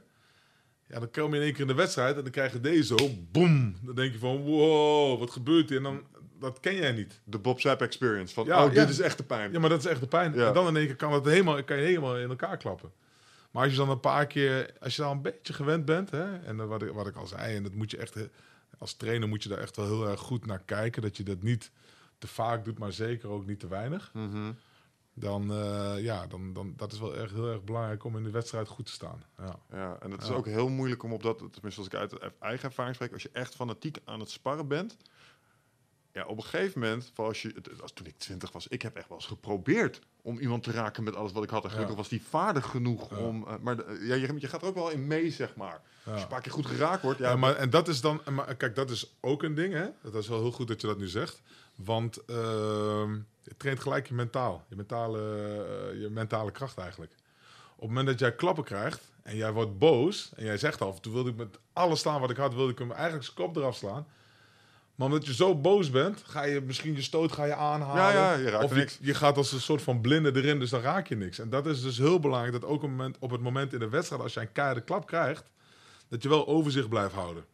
En dat je niet als een gek weer de eh, eh, eh, ja, hè, oog op oog, tand op tand ja, ja, ja. spelletje wil gaan spelen. Dus dat is wel heel erg belangrijk dat je dan ja, dat je wel je overzicht blijft houden, je, je, jezelf kan blijven controleren. En dat is eigenlijk wat vechtsport natuurlijk ook is. Hè? Het is beheersen van jezelf. Ja. Jezelf verslaan. Het- is meer jezelf verslaan dan je tegenstander verslaan. En, en wat denk je dat het is in, in vechters? Want ik denk dat ik zelf tot de categorie hoor. Ik- Ik kan best wel een potje knokken, maar vooral in de, in de gym. En in, mijn- in mijn wedstrijden heb ik het gevoel dat ik iets miste. Wat andere jongens wel hadden. Dus ik heb best wel gym wars gehad. Ik heb best wel leuke partijtjes gedraaid die misschien wel een volle wedstrijd waren, zo af en toe zelf. Maar toch op een gegeven moment, eh, die stap naar dat eh, structureel wedstrijden, daar, daar, daar miste ik iets in of zo. Mhm. En jij hebt natuurlijk best wel veel mensen zo van de zijlijn kunnen zien. Waar zit dat verschil tussen die gasten die het intern doen, of die gasten die toch echt die behoefte voelen om dat dan ook voor een groot publiek te doen? Ja, kijk, als je vechter wil worden, dan, dan moet het vanuit een soort van interne drive zijn. Kijk, jij was met ook andere dingen bezig. Dus je vond het leuk om te doen. Maar je had ook andere dingen waar je mee bezig was. Nou, je hebt, eh, ondertussen heb je heel veel leuke dingen opgezet. En dat, daar was je vanaf vroeger natuurlijk al met een soort van ondernemen, eh, ondernemers mindset mee bezig. En als jij vechter bent, zoals Marcin Pagnio, die jongen die nou bij ons traint, is alleen maar vechten. Dus alles wat hij doet, op het moment dat hij wat drinkt, dan kijkt hij, oké, is het goed voor mij? Doordat ik dit drink, word ik daar beter van als vechter. Ja, ja, ja, ja. ja. Wat ik eet, is dat goed genoeg voor mij om mij beter te maken als vechter? Of maakt mij dat slechter? Of gebeurt er eigenlijk niks? Dus hij is met alles bezig. Als ik nu ga slapen, is dat goed voor mij als voor mijn performance? Dus die, die, die, die mindset moet je wel hebben. Als je- Vooral als je een goede vechter wil worden en een vechter wilt worden die regelmatig wedstrijden doet. Dan moet je gewoon met alles wat je doet, zegt, praat, slaapt, eet, drinkt. Dan Ja. moet je overal bij nadenken van, helpt dit mij om een betere vechter te worden? En dan krijg je natuurlijk ook die, die, die, eh, die mindset uiteindelijk. Dat, dat, dus je kan het vanaf die kant kan je het zien. Maar om dat elke dag, de hele dag door, elke week, elk jaar door te doen, moet je ook een soort van interne drive hebben. ja. En, en dat is ook belangrijk. En dat heeft niet iedereen. Dat, sterker nog, dat heeft bijna niemand. Ja. Nee, dat is wat die vechters ook zo bijzonder maakt, volgens mij. Ja. En er zijn ook maar natuurlijk, als je kijkt naar hoeveel mensen de vechtsport doen. En als je kijkt naar hoeveel mensen er in de UFC zitten, is het natuurlijk heel, heel weinig. Ja. Ja. We, we hadden het er straks in de tips even over. Ehm, want enerzijds ja, het is niet voor iedereen. Anderzijds denk ik dat ook niet iedereen tot dat niveau hoeft te trainen. En dat in ieder geval eh, daadwerkelijk iets met vechtsport doen voor iedereen beneficial is. Ja. Ehm, gemiddelde Nederlandse man. Ja. Die eh, nog nooit er iets mee gedaan heeft. En die gaat vanaf nu gewoon eh, lekker twee keer per week gaat hij met deze. Ja. doen. Wat gaat die gast krijgen? Nou, ten eerste gaat hij fit worden. Hij voelt zich beter. Hè. Ja, natuurlijk, eh, dat is gewoon een chemisch proces. Hè. Als je Ja, aan het sporten bent, dan voel je jezelf beter. Daarnaast gaat hij leren zichzelf te verdedigen. En die combinatie, dus het fit worden samen met het jezelf leren verdedigen, maakt het dat jij jouw zelfvertrouwen omhoog gaat. En niet alleen van, oké, ik durf nou door dat donkere steegje te lopen. Ja. Het maakt je ook comfortabel in het dagelijks leven. Dus Ja. je bent niet zo snel meer bang of je hebt angsten of je hebt bepaalde eh, ja, ja, dingen waar, wat je tegenhoudt zeg maar, in je leven. Dat heb je niet meer. Je- dat. ja. Eh, ik zat laatst, zat ik, was ik namelijk, eh, kwam ik in een situatie terecht waarbij ik even oogcontact maakte met gasten net iets jonger als jij, ook goed gebouwd. En die keken op een bepaalde manier. Dat ik dacht van, waarom kijk je zo naar mij? Maar dat ik dacht, ik heb er even geen zin in. Ja. Weet je wel? En, en voorheen was het zo, van, hoezo? Ja. Is er iets, kunnen we misschien even kletsen met elkaar? Ja. En dat ik me voor het eerst sinds lange tijd, dat ik dacht dat ik wegliep, dat ik dacht van, volgens mij heb ik jou dat ook wel verteld toen, daar heb ik twee dagen last van gehad. Ging ik een confrontatie uit de weg. Oh, ik had er gewoon even gezin om er aan te gaan staan. Was bijna een beetje bangig. Zo van, ik weet niet wat die kan. Ik heb zelf al een tijd niet meer geknokt. Ik weet het niet of ik hier wel zin in heb. En dan liep ik weg. En heb ik echt twee, twee weken heb ik daar aan zitten denken. was ik echt gewoon kwaad. Toen ben ik weer daarna weer getraind. En dan voel je je direct weer anders. Dus dat, dat stukje zelfvertrouwen voor mannen. Ja, nee, maar ik denk oprecht dat, dat je in allerlei situaties terechtkomt. Waarbij dat zo af en toe wordt getest. En als je dan de test niet haalt, dan doet dat iets met je eigen beeld. Ja, maar dat is, dit is bijvoorbeeld, hè, dat, is een, dat is een goed voorbeeld. Hè, en dat heeft het, heb je echt met een soort van bijna fysieke confrontatie te maken. Hè? Dus echt wel een soort van, nou ja, een bedreigende situatie. Maar aan de andere kant is het natuurlijk ook zo. Ik heb bijvoorbeeld wel zaken in Indonesië gedaan. En dan zat ik met de John de Mol van Indonesië, maar dan keer tien. Dus, dus die hebben gewoon zoveel meer dingen en properties en geld dan, dan, Ja. dan hier in Nederland. Want het is ook logisch. Ze hebben het grootste mediabureau van, eh, of bedrijf vanuit eh, Zuidoost-Azië zelfs. En zat ik bij die man thuis en dan wilden wij een deal maken. Ja, en dan krijg je van die business trucjes. En dan gaan ze, gaat hij ook stil, te laten vallen. En dan blijft hij zo aankijken. Een soort van stare down. ik dacht bij mezelf, jongen. Wat jij doen? Weet je hoeveel stare downs ik in mijn leven heb gehad? Ja, ik word er niet meer koud of warm van. En dat Ja, is want je bent aan dat soort... je went aan dingen. Je, eh, je went aan, eh, aan als jij bijvoorbeeld een, een presentatie moet doen, bijvoorbeeld. Ja, jullie allebei doen heel veel presentaties. Nou, dat, ik denk dat je ook door je vechtsport daar Ja, een soort van zelfvertrouwen hebt gekregen. Maar dat is een general zelfvertrouwen. Het is niet alleen voor Ja. fysieke confrontaties, maar gewoon van, nou, ik zit lekker in mijn vel. Ik voel me goed. Ik ga gewoon een presentatie doen. En dat vind ik Sterker niet nog, wij beschouwen die lezingen als een soort gevecht. Want als wij zelf eh, ga, eh, gala's, wou ik al zeggen, evenementje organiseren, is de grote eindbouwshow. Wij komen op met opkomstmuziek. We laten Ja. onze gasten ook opkomen met opkomstmuziek. Hartstikke even oppeppen, weet Ja. je wel. Ja. Was wel mooi bij grote eindbouwshow. Ah, dat is, als je geen vechtsport kent, je bent nog nooit op vechtsportgala geweest, ken je dat hele fenomeen van Nee. inloopmuziek niet. Ja, ja, ja. Dus wij tegen een paar van die gasten hier, zo van eh, Paul Smit, dat is zo'n filosoof, en eh Inzo van Tony Chocolonely, en eh, Casper van der Meulen is ook zo'n biohacker. Van, ja, hey, luister, wij gaan met opkomstmuziek, dus geef ons even een nummertje daarvoor. Ja, wat raar, en geen idee, wat moet je daar dan voor kiezen en zo. Nee, dat doet voor mij niet, weet je wel. mooie was dat Inzo van, eh, van Tony Chocolonely, die zei maar, ik ben geen Michael van Gerwen. En dat bedoelde Van die, Darten. eh, Ja. die Darten. What the fuck? Darten doen ze het ook. ken het Ik daarvan, Nee, ja. maar je bent wel een ballerari van de chocolade-industrie, dus eh, kom maar op, weet je wel. En uiteindelijk kwamen ze allemaal met een kikker nummertje toch wel. Ja? Ja? Dan, vonden ze, ja, dan gingen ze er even over nadenken. Ah, misschien toch wel kikken, weet je wel. Ja. lachen. Ja, is oké. Nee, maar dat is, ja, ja. dat is ook leuk. En dat, dat, ja, dat, geeft, dat brengt toch wel wat extra sfeer natuurlijk. Hè? Je krijgt extra even die wap, die hype. Zeker, zeker, Ja. zeker. Ja. Ja, nee, maar ik denk dat zelfvertrouwen gewoon in, in, in, in het algemeen. En niet alleen voor mannen, maar ook vooral voor vrouwen. Ja. Want die zijn al heel snel onzeker, want de hele maatschappij maakt het onzeker. Mhm. Ja, je hebt eh, of het te dikke komt, of je hebt verkeerde kleur haar, of je hebt zus, of je wordt altijd op je uiterlijk beoordeeld als vrouw Mhm, zijnde. Hè, dus je wordt eigenlijk altijd al, en sowieso onze hele, onze hele eh, maatschappij is toch al veel van...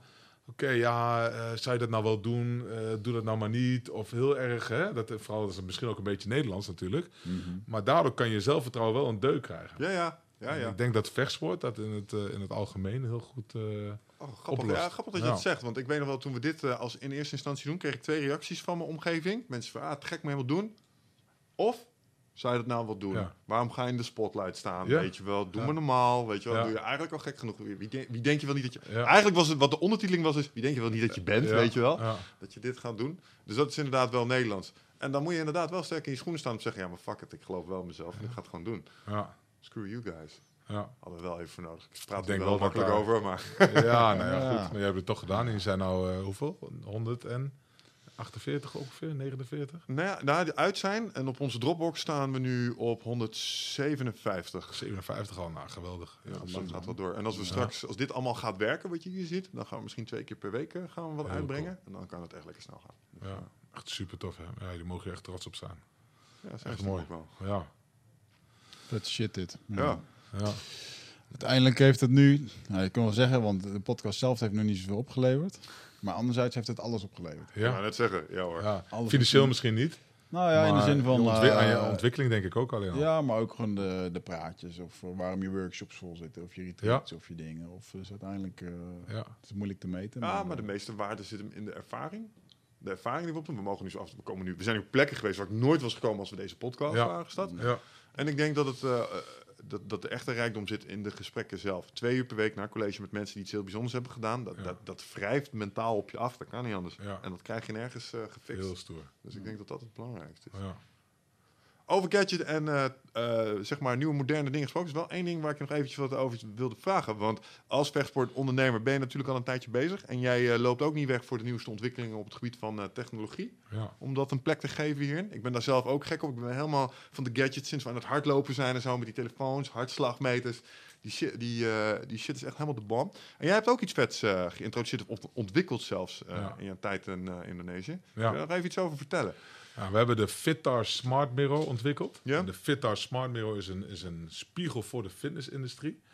En wat we eigenlijk... eh, nou, ik kan een klein verhaaltje vertellen hoe het begonnen is. Eh, er kwam een jongen eh, naar mij toe via mijn neefje. Bij mijn neefje op de opleiding gezeten. Mm. En hij heette Aljo Hoving. Nou, Aljo Hoving is een technische jongen. En die was een van de eerste met VR in Nederland ook. Ah. Doet de 360 v- eh, graden video's, et cetera, et cetera. En hij zei van, ik heb echt een superleuk idee. Want eh, hij is de geestelijk vader, hij ere wie ere toekomt. Tuurlijk. Hij zei van, ik heb een super tof idee en ik wil iets met augmented reality gaan doen voor de fitnessindustrie. Maar ik ken helemaal niemand die in de fitness zit. Of in sport überhaupt, zei hij. Dus eh, ja, eh, kan ik een keertje met jou praten? Nou, toen ging hij met mij komen praten. Ik had er zelf ook altijd heel erg veel interesse al in. Hè? Gewoon vanuit een nieuwsgierig eh, oogpunt eigenlijk. Ja? En toen zei hij van, nou, ik, ik wil eigenlijk... je- tegenwoordig zijn er van die 3D-camera's... en met, bepaalde, met augmented reality technologie kunnen wij zien... of iemand de beweging goed doet, ja of nee. Ja. We kunnen die hele beweging tracken... en dan kunnen we dan een skeletje overheen leggen... en dan kan je laten zien eh, hoe je eigenlijk eh, oefeningen moet doen op een goede manier. Nou, toen zijn we erover gaan praten, brainstormen. Uiteindelijk zijn we erop uitgekomen dat we een... Want hij wilde iets op een iPad of, een- of een, een app voor een telefoon iets gaan doen. Maar ik zei, nou ja, misschien kunnen we beter een spiegel Ja. gaan doen. Nou, daar zijn we uiteindelijk samen zijn we eh, erop uitge- uitgekomen dat de spiegel de juiste, het juiste tool was om in een fitnesscentrum hè, te gaan zetten. Dus dat we niet zozeer in eerste instantie op de eh, B2C weer, eh, zouden gaan zetten, dus maar meer op de B2B-markt Ja. zouden gaan opereren. Nou, toen hebben we een spiegel ontwikkeld. Zijn we uiteindelijk mee op de Fibo gaan staan. Dat was het eerste prototype. Zo'n dikke spiegel. eh, zag er helemaal niet uit, maar we wilden functionaliteit laten zien. Nou, wat kan die spiegel? Eén, eh, op het moment dat jij oefeningen doet, dan kan de spiegel zien of jij het goed doet of niet goed doet. En die geeft jou real-time feedback. Dus je krijgt zeg maar, eh, nou ik wil squats gaan doen, druk je squats in, zie je bovenin, zie je van hoe de squats moet. Dus jij, zie je een figuurtje staan, eh, die zakt naar beneden in de squatpositie, die wacht tot jij ook daar in die positie bent. En op het moment dat jij in die positie bent, gaat hij weer omhoog, ga jij ook omhoog. Maar stel nou dat je een squat doet, zit, je hebt een skeletje over je heen liggen, alles staat op groen. Ja. Dat betekent dat je het goed doet, Ja. alle gewrichten staan op groen. Maar stel dat je het verkeerd doet, je maakt een squat, maar je knie gaat naar binnen. Dan gaat je rechterknie, die gaat dan oplichten in het rood, zo, hoppakee. Eh, daar gaat Handig. iets mis. En je krijgt dan een melding van, eh, watch your right knee. En je krijgt ook nog voice feedback. Dus je krijgt gelijk, eh, dat- dus zo'n spiegel is dus uitermate geschikt om mee te gaan trainen als er niet te veel trainers in de buurt lopen. En Ja, dat ja. zie je tegenwoordig steeds meer. Je ziet of high-end eh, eh, personal training studio's, Ja, Of niemand. of niemand. ja, ja, ja, ja. Deze ja, ja. ja. Een gast achter de balie, zo Ja. verveeld internet. Ja, nee, die zit, die zit vaak zo op zijn telefoon. Zo. Ja. Yo. Dus, eh, maar dat zie, je, dat zie je dus vaak eh, gebeuren. En daar wilden wij eigenlijk een beetje op inspelen. Nou, dat is één van de features. Daarnaast hebben we hele fitness workouts. Want ik kan me voorstellen, als jij drie maanden bicep curls hebt gedaan, dan snap jij heus wel een keertje hoe een bicep curl ja, ja, ja. In het begin ga je misschien een beetje swingen, ga je heen en weer. Maar ja, op laatst weet je uiteindelijk wel, hè, na zoveel eh, keer dat je die oefening hebt gedaan, hoe je de oefening moet doen. Dus toen hebben wij gezegd, oké, we gaan er ook fitness workouts inzetten. Hè? Dus dan hebben we een full body workout, het lower body, upper body workout, maar ook wat hitte workouts.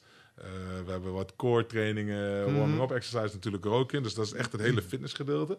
Maar daarnaast zeiden we ook, de spiegel moet wel fun zijn. Het moet leuk zijn, weet je Ja. wel. Het moet niet alleen maar fitnessoefeningen zijn. Dan is het eigenlijk alleen maar, nou ja, de tracking is dan, daar zijn we uniek in. maar je hebt natuurlijk die fitness workouts, dan zie je gewoon iemand in de spiegel die doet de oefening voor en jij doet hem na. Ja, dat is eigenlijk gewoon videocontent er doorheen uh, Ja. broadcast. Er zijn een aantal competitors, waaronder Mirror in, eh, in, in Amerika, die zijn heel groot mee geworden.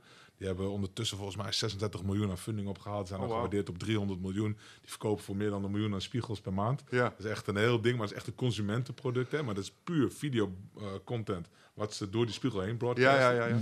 Maar goed, wij hebben dan gezegd van we moeten eens leukere dingen doen. Dus we hebben een shadowboxing game kwam natuurlijk voor mij af. Sure. Hè, dus eh, je hebt daar een grote bokszak hangen. Kan je op verschillende levels kan je instellen. En dan moet je gewoon stoten naar de spiegel toe waar je het ziet oplichten.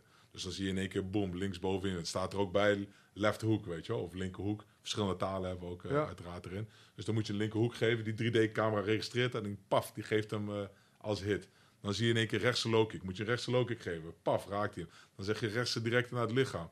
Maar je geeft de linkerhoek, zie je mis. En dan krijg je punten aftrek. Dus je krijgt echt zo'n... Zo kun je met gewoon combinaties leren. Kun je Ja. gewoon laten slijten. Dus we hebben dus, eh, ja, we hebben dus een single, eh, single punches. Dan zie je dus een, een- of knieën of trappen. ja. Eén, eh, één per één. En dan hebben we een combinatie van drie en een combinatie van vijf. Dus hoe, Hoeveel spelers zijn er al gesneuveld in het oefenen? Nee, nee, nee, nee. Je moet eh, toch wel twee meter afstand hebben Ja, om ja, het goed ja. uit te voeren. Nou, daarnaast heb je iemand erin staan, die, die houdt dan de pads voor je op, weet je wel. En daar kan je dan op oefenen. En dan hebben we nog wat reactiespelletjes erin zitten ook. Dat vinden mensen ook heel erg leuk, Ja. eh, hebben we begrepen. Dus dat je echt niet alleen je lichaam traint, maar ook je mind traint, je snelheid, informatie van, eh, of de snelheid van informatieverwerking, dat je die probeert omhoog te trekken. Je ziet dat ook steeds meer. Max Stappen doet dat ook, hè, met die lichtjes. Ja, ja. Probeert die aantrekken. Nicky Holske bijvoorbeeld doet dat ook. Nou, Zo'n soort van eh, aantal van zulke soort spelletjes van die cognitieve reaction games hebben wij erin zitten. En daarnaast hebben we ook een fitness workout erin zitten. Een Ja. soort van survival ding waarbij je in een virtuele omgeving zit.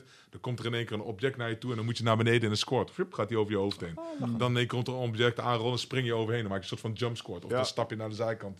Weet je wel? dat en is dan, leuk. Ja, en dan komen er weer andere objecten aan die moet je weer kapot slaan. Weet je wel? Dus dat je echt een leuke fitness workout hebt. Ja. ja. Eh, de training inhoudelijk denk ik, wauw, als je daar ehm, ehm, door slimme trainers ook nog aan kan laten toevoegen dat je bijvoorbeeld afhankelijk van je doel, oké, ik wil graag vet verbranden of Ja. ik wil graag eh packs, dat je zegt, oké, Ja. dat programma. Ja. En dat je dan instructie krijgt, een soort schema dat voor jou op maat wordt gemaakt elke keer. Ja. En wat ik dan, eh, wat ik inmiddels zelf weet vanuit trainen, als je dan ook nog dingen bijvoorbeeld als, oh je wil gaan hypertrofie, dan moet je nu die, die squat moet je wel gaan maken in een bepaald tempo. Ja. Dus niet klang, klang, klang, klang, zoals je nou maar 21, 22, Ja. klonk. Dan kun je echt, want dat was een hele belangrijke parameter in mij om van die 80 kilo op de foto eh, in 98 naar 100 plus te gaan, zeg Ja. maar. Zat hem in trainen met tempo, Ja. van iemand van Overload. Ja. Dus dat is super kicken. En dit zou te gek zijn als je ook iets van scores of zo. Want wat, wat, Ja. is, zo, wat is zo populair in die CrossFit gyms? Ja. Heb je bepaalde watts met bepaalde scores en Klopt. staan altijd namen bij. Ja. En dat vinden mensen dik als ze daarop komen. Wij hebben dan een app, en die, eh, die connect je met de spiegel. Op het moment dat je er aankomt, hou je je app voor de... Ja. En er zit een QR-code, die scan je in, bom, word je geconnect. En dan wordt alles bijgehouden. Vet. Ja, dus wij houden al die data, maar ook voor jezelf.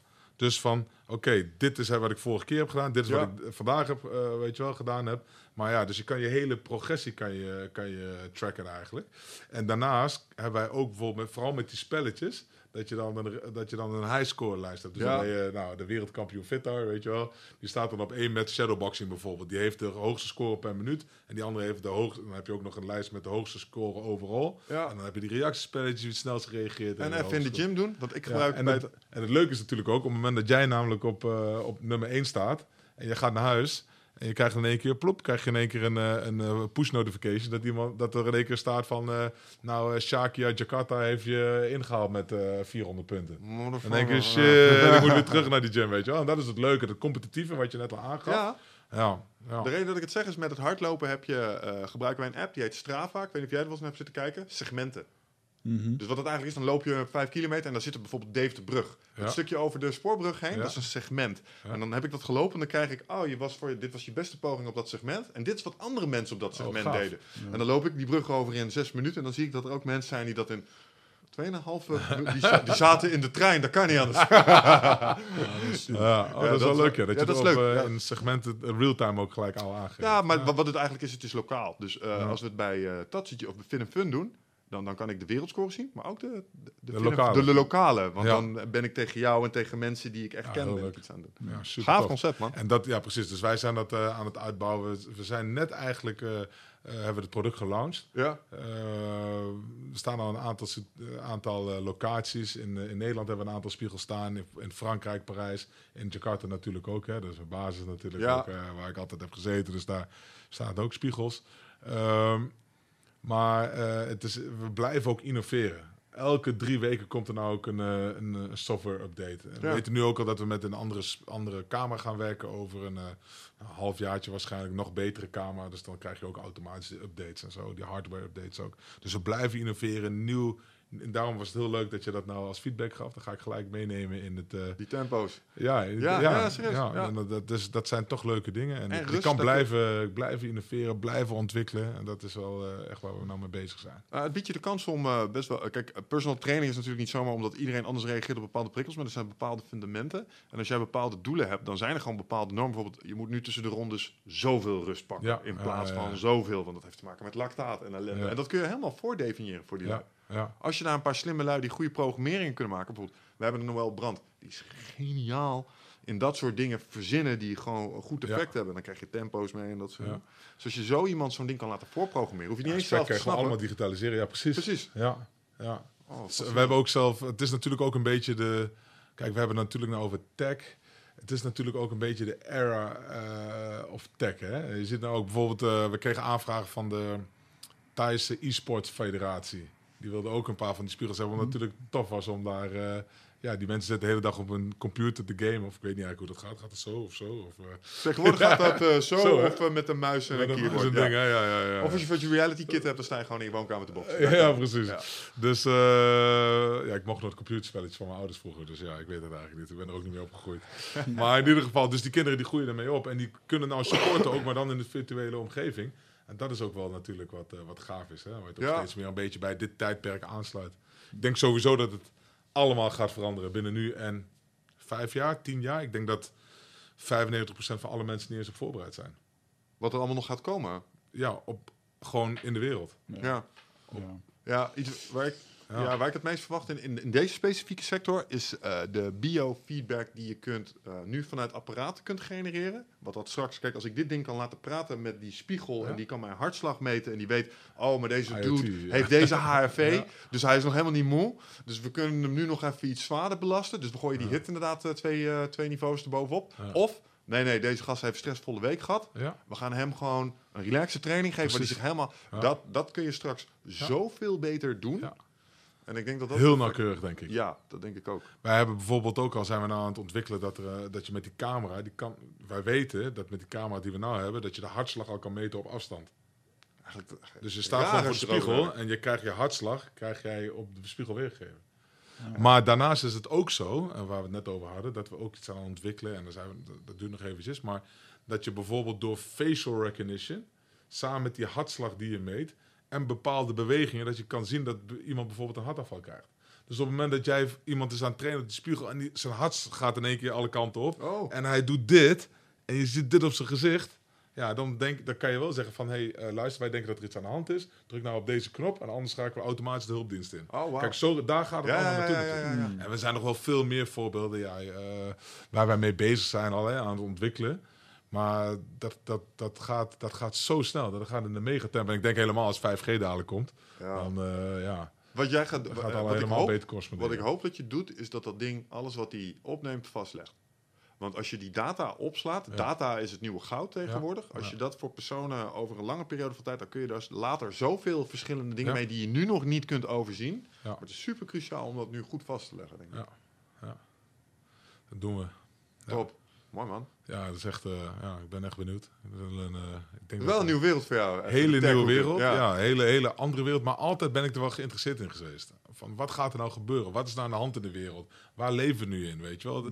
Kijk, ik, eh, wij zijn alle, allemaal nog eh, pre-internet. Gelukkig wel, ja. Ja. ja, maar vroeger dan zei je van... Oké, ik zie je een kwart vier in de stad. Hè. Ging je ketting eraf? Shit. Was je een kwartier later? ja. Rij, loop je in de stad? Ja, hoe moet ik ze nou vinden? Dan ga je maar... te- Oké, normaal lopen ze dat rondje. Dan ga ik maar de andere kant op lopen. Misschien kom ik ze tegen. Ja. Maar zo ging het. Het is ook wel, heeft ons ook creatief gemaakt, denk ik. Hmm. En, en ja, op een bepaalde manier kunnen wij met mensen communiceren. Dat gaat tegenwoordig stil, is heel anders. En dat wil niet zeggen dat het slecht is, maar het is gewoon een nieuwe manier van communiceren. Ah. Een nieuwe manier van vrienden maken, een nieuwe manier van vrienden hebben. Ik denk het niet. Ik denk dat de nieuwe manier gewoon slechter is. En ik denk dat het heel goed is dat wij de manier hebben gezien zoals het eigenlijk hoorde. Ja, Omdat als je kijkt naar bijvoorbeeld, nou, ik ben wel benieuwd, eh, kunnen we het wel eens over hebben? Jouw relatie met je telefoon. Dat is, zol- zolang er mobiele telefoons bestaan, ken ik jou niet anders dan dat ding een soort van aan je oor. Eh, Dus die, dus die con- connectedness die iedereen heeft, ja, jij Ja. bent er tot meteen vanaf het begin omarmd. Maar het is nu overkill. Als ik kijk naar mijn relatie met telefoon, ik heb een soort haatliefde met dit ding. Want ik Ja. word er non-stop op lastig gevallen. En de laatste tijd zeg ik, waarom doe ik dit eigenlijk? Want inderdaad, vroeger had ik geen apparaat. Verdween ik in een, in een gat. En toen kwam ik een paar uur later wel of niet thuis. En als ik niet thuis kwam, ging mijn moeder buiten zeggen, Michel, eten. En het kwam altijd goed. ja.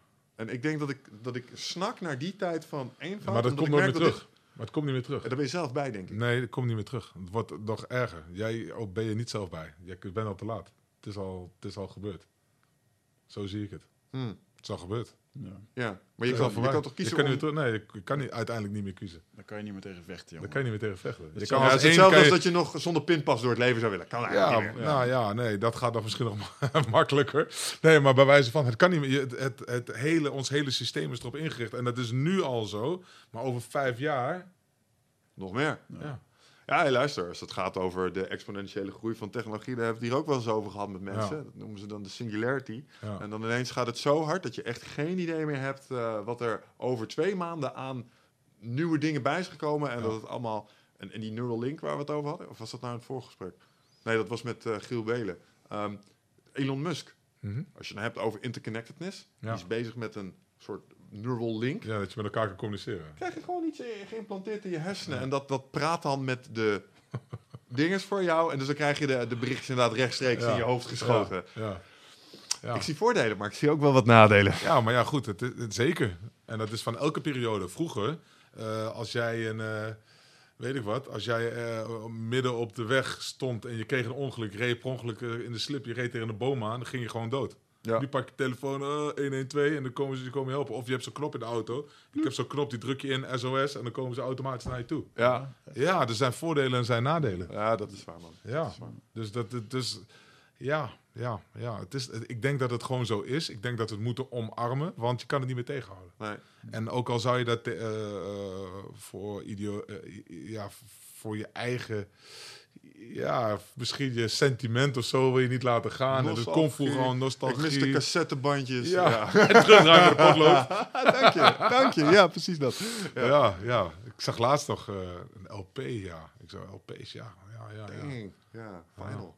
Ja. Final is wel weer hip tegenwoordig in de muziek zien. Want dat schijnt beter te klinken of zo. Nou, ja, dat weet ik niet. Het zou kunnen, maar Ja, het is, eh, beter klinkt, weet ik niet. Maar ik denk dat het wel gewoon een soort van ook weer... Kijk, en dat is natuurlijk ook, hè. Nostalgie wint het ook altijd. Mhm. We- Als wij terugdenken aan dat we toen we, weet ik wat, 12 waren of 14 waren. En die, die toffe tijd van toen. Ja, dat, en dat, dat komt dan ook weer terug. En dat blijft er voor altijd je hele leven bij je, denk ik. Ja. En dat is iets wat zo sterk is. Wat je zegt, in één keer komen die, die, die, die, die oude LP's, die komen weer terug omdat dat, er zit een bepaalde kraak in en dat doet je denken aan vroeger en dat is cool. Ja. Ik bijvoorbeeld, misschien weet je het, ik organiseer 7 december organiseer ik weer een klein feestje in, eh, in, eh, in Deventer. Dat Jam. De Jam, ja, de Jam, hip-hop en R&B.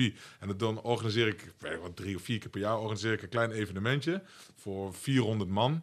Eh, en dan gewoon met die oude platen van vroeger. Al die mensen van vroeger komen weer, zo Ja. 25 jaar en ouder. Dus echt leuke mensen komen. En dan gewoon meer om dat gevoel van vroeger terug te krijgen. Het ging eigenlijk zo, ik zat met Raffles en Annette, zat ik op het terras. We zaten zo van, eh, ja, weet je nog die tijd vroeger ook? Te gek zaten we net zo te praten als dat Ja, we nu ja, ja. Weet je nog, Bobby Brown en die. Toen had je nog Guy de hot shit in Deventer, Ja, al die dingen. Zei van, ja, eigenlijk zei ik zo, moeten we zoiets gaan organiseren, man. Gewoon leuk. Zij zei, ja, ja. Toen dacht ik van, ja. Die zeggen al ja. Ga- niet gebeuren. dus toen dacht ik bij mezelf, nou ja, ik heb Glory georganiseerd. Dan kan ik ook wel een klein evenementje organiseren met oldschool hip-hop Ja. en R&B. Dus je hebt een, DJ, een paar DJ's nodig. Je hebt een, eh, wat licht en geluid nodig. Nou ja, kaartverkoop klaar. En dat is natuurlijk super makkelijk. En dat doe ik echt voor de leukigheid. Voor Ja. die, om die, dat, dat, dat ding van vroeger weer terug te krijgen. En ik denk dat danig die cultuur, dat, dat, dat er nog best wel veel te halen is ook. Ja, leuk man. Leuk. Ja. Ja. Blijf ook altijd bezig ja, met van alles. Ja, nou ja, gewoon voor de leukigheid. Een beetje hobby is dat. Ja, voor Ja. sommige mensen is dat echt een dagvulling. Ah, Ja. ja. Dus even, even 400, 500 man. Sure. Ja, ja, ja. Mooi. Nee, lachen. Gaan hem afronden, jongens. Eh, we zitten al over de tijd heen. eh, Ja, is dat zo? ja, Oeh, volgens mij wel. Ja. ging weer snel. Nou, dat is een goed teken over het algemeen. Het was weer gezellig. Ja. Ik ben weer eh, vereerd dat ik had mogen komen. Leuk Na dat je er weer was. 157 eh, afleveringen. Ja, eind- eindelijk waren we weer zover. Ja. Lach aan ons, hè, was niks persoonlijks. Ja. Nee, maar ik vond het echt leuk. En eh, ook Top. echt heel tof dat jullie tot hier hebben geschopt. Alleen al met dit en met alle andere dingen dat jullie doen. Ik volg het natuurlijk op LinkedIn. Hè. LinkedIn is sowieso de shit tegenwoordig. ja. Dat is Ja. echt, eh, die organic reach daar is niet normaal. Ook echt voor goed. mijn Vita Smart Bureau is het niet normaal hoeveel aanvragen Ja. je daar krijgt. Het is bizar. Ja. Ja. ik zie jou ook heel veel posten ook. Jou ook regelmatig. Ik maar ben er net echt begonnen, ja. Ja. Ja. ja maar hij zit meer op Insta, ik zit meer op LinkedIn. Ja, Insta, business- doe ik ook. business Insta wordt natuurlijk zo, ja, heeft denk ik die klein gaat van 30% ongeveer de laatste tijd. Oh? Eh, ja, dat is echt niet normaal. Eh, Ja, jij bent gruwelijk hoeveel volgers op Insta, zag ik laatst trouwens. Ah, 15.000 maar of zo. Maar, Oh ja, nee, ja, ik ik heb er zes. Nee, maar de, de, eh, TikTok. Ik zit Ja. tegenwoordig op TikTok. Is dat leuk? Ja, superleuk. Maar TikTok is de nieuwe shit gewoon. Meer dan 500 miljoen actieve gebruikers. Iedereen zo, TikTok, wat is TikTok? Ja. TikTok is Ja, nieuwe Instagram. Kijk, LinkedIn was gewoon natuurlijk organic reach nou is niet normaal. is gewoon Facebook 2012 of zo. Maar TikTok, dat gaat het helemaal worden. Kan je in één keer viral gaan. Ik had laatst een video dat Gordon, weet je wel, die zat op die spiegel van ons, die fit uit de spiegel, zat hij te trainen bij het Conservatorium Hotel. En dat, eh, daar had hij een leuk clipje gemaakt. En dan zie je die kickbox trainen, of die pads houden, zie je dan. Dan ging die vasthouden, ging die kus geven. Dat was helemaal een leuk dingetje. En die is gewoon op mijn TikTok, waar ik gewoon maar 160 volgers heb of zo, is die gewoon 16.000 keer bekeken. Dat is veel, Maar man. dat is, dat is echt niet normaal. Dus dat is. TikTok is echt, eh, is echt waar mensen naar moeten gaan kijken. En nu zitten er heel veel kinderen op van 11, 12, 13 jaar. Pas daar 14 perfect jaar. tussen. Ja, Nee. zeker. Ja. Maar, noem wat, ik, ik ben er eigenlijk doorgeko- eh, opgekomen door Gary Vee. Gary Vee heet, die had denk ik een paar maanden geleden had hij 300.000 volgers erop. En nu heeft hij 1,6 miljoen volgers of zo. Dus dat gaat zo hard. Er zitten mensen op, die, die, die, die, die age group gaat al omhoog. Dat zag je vroeger ook met Facebook, zaten er Ja. ook college kids op. En nu zit mijn vader van, eh, van 76, die zit de hele dag op Facebook. Ja. Alles te kijken. Ja. Weet je? Mooi. Dus dat gaat met TikTok ook, weet je wel? Dat gaat ook... eh, Het is een soort wine. Het zijn korte filmpjes op, met Korte een loopje films en later Ja, natuurlijk, ja, als er ja, ook foto's bij komen, et cetera, et cetera. Gaat ontwikkelen, dan wordt het nog steeds veel groter. Nou, ik kan jouw boek straks mooi doen. We hebben er nog een distributiekanaaltje bij, hoor, Nick net. Nou, yes. Ja, Alright, nee, man. Zal zeker naar kijken. We gaan je hier vaker eh, nog, vast nog wel eens een keertje terugzien. Ik vond het in ieder geval weer helemaal top. En dan eh, ronden we hem voor nu af. Jullie ook bedankt, mannen. Thanks. volgende keer. Luisteraars, tot de volgende keer. Ciao. Oes. Oes.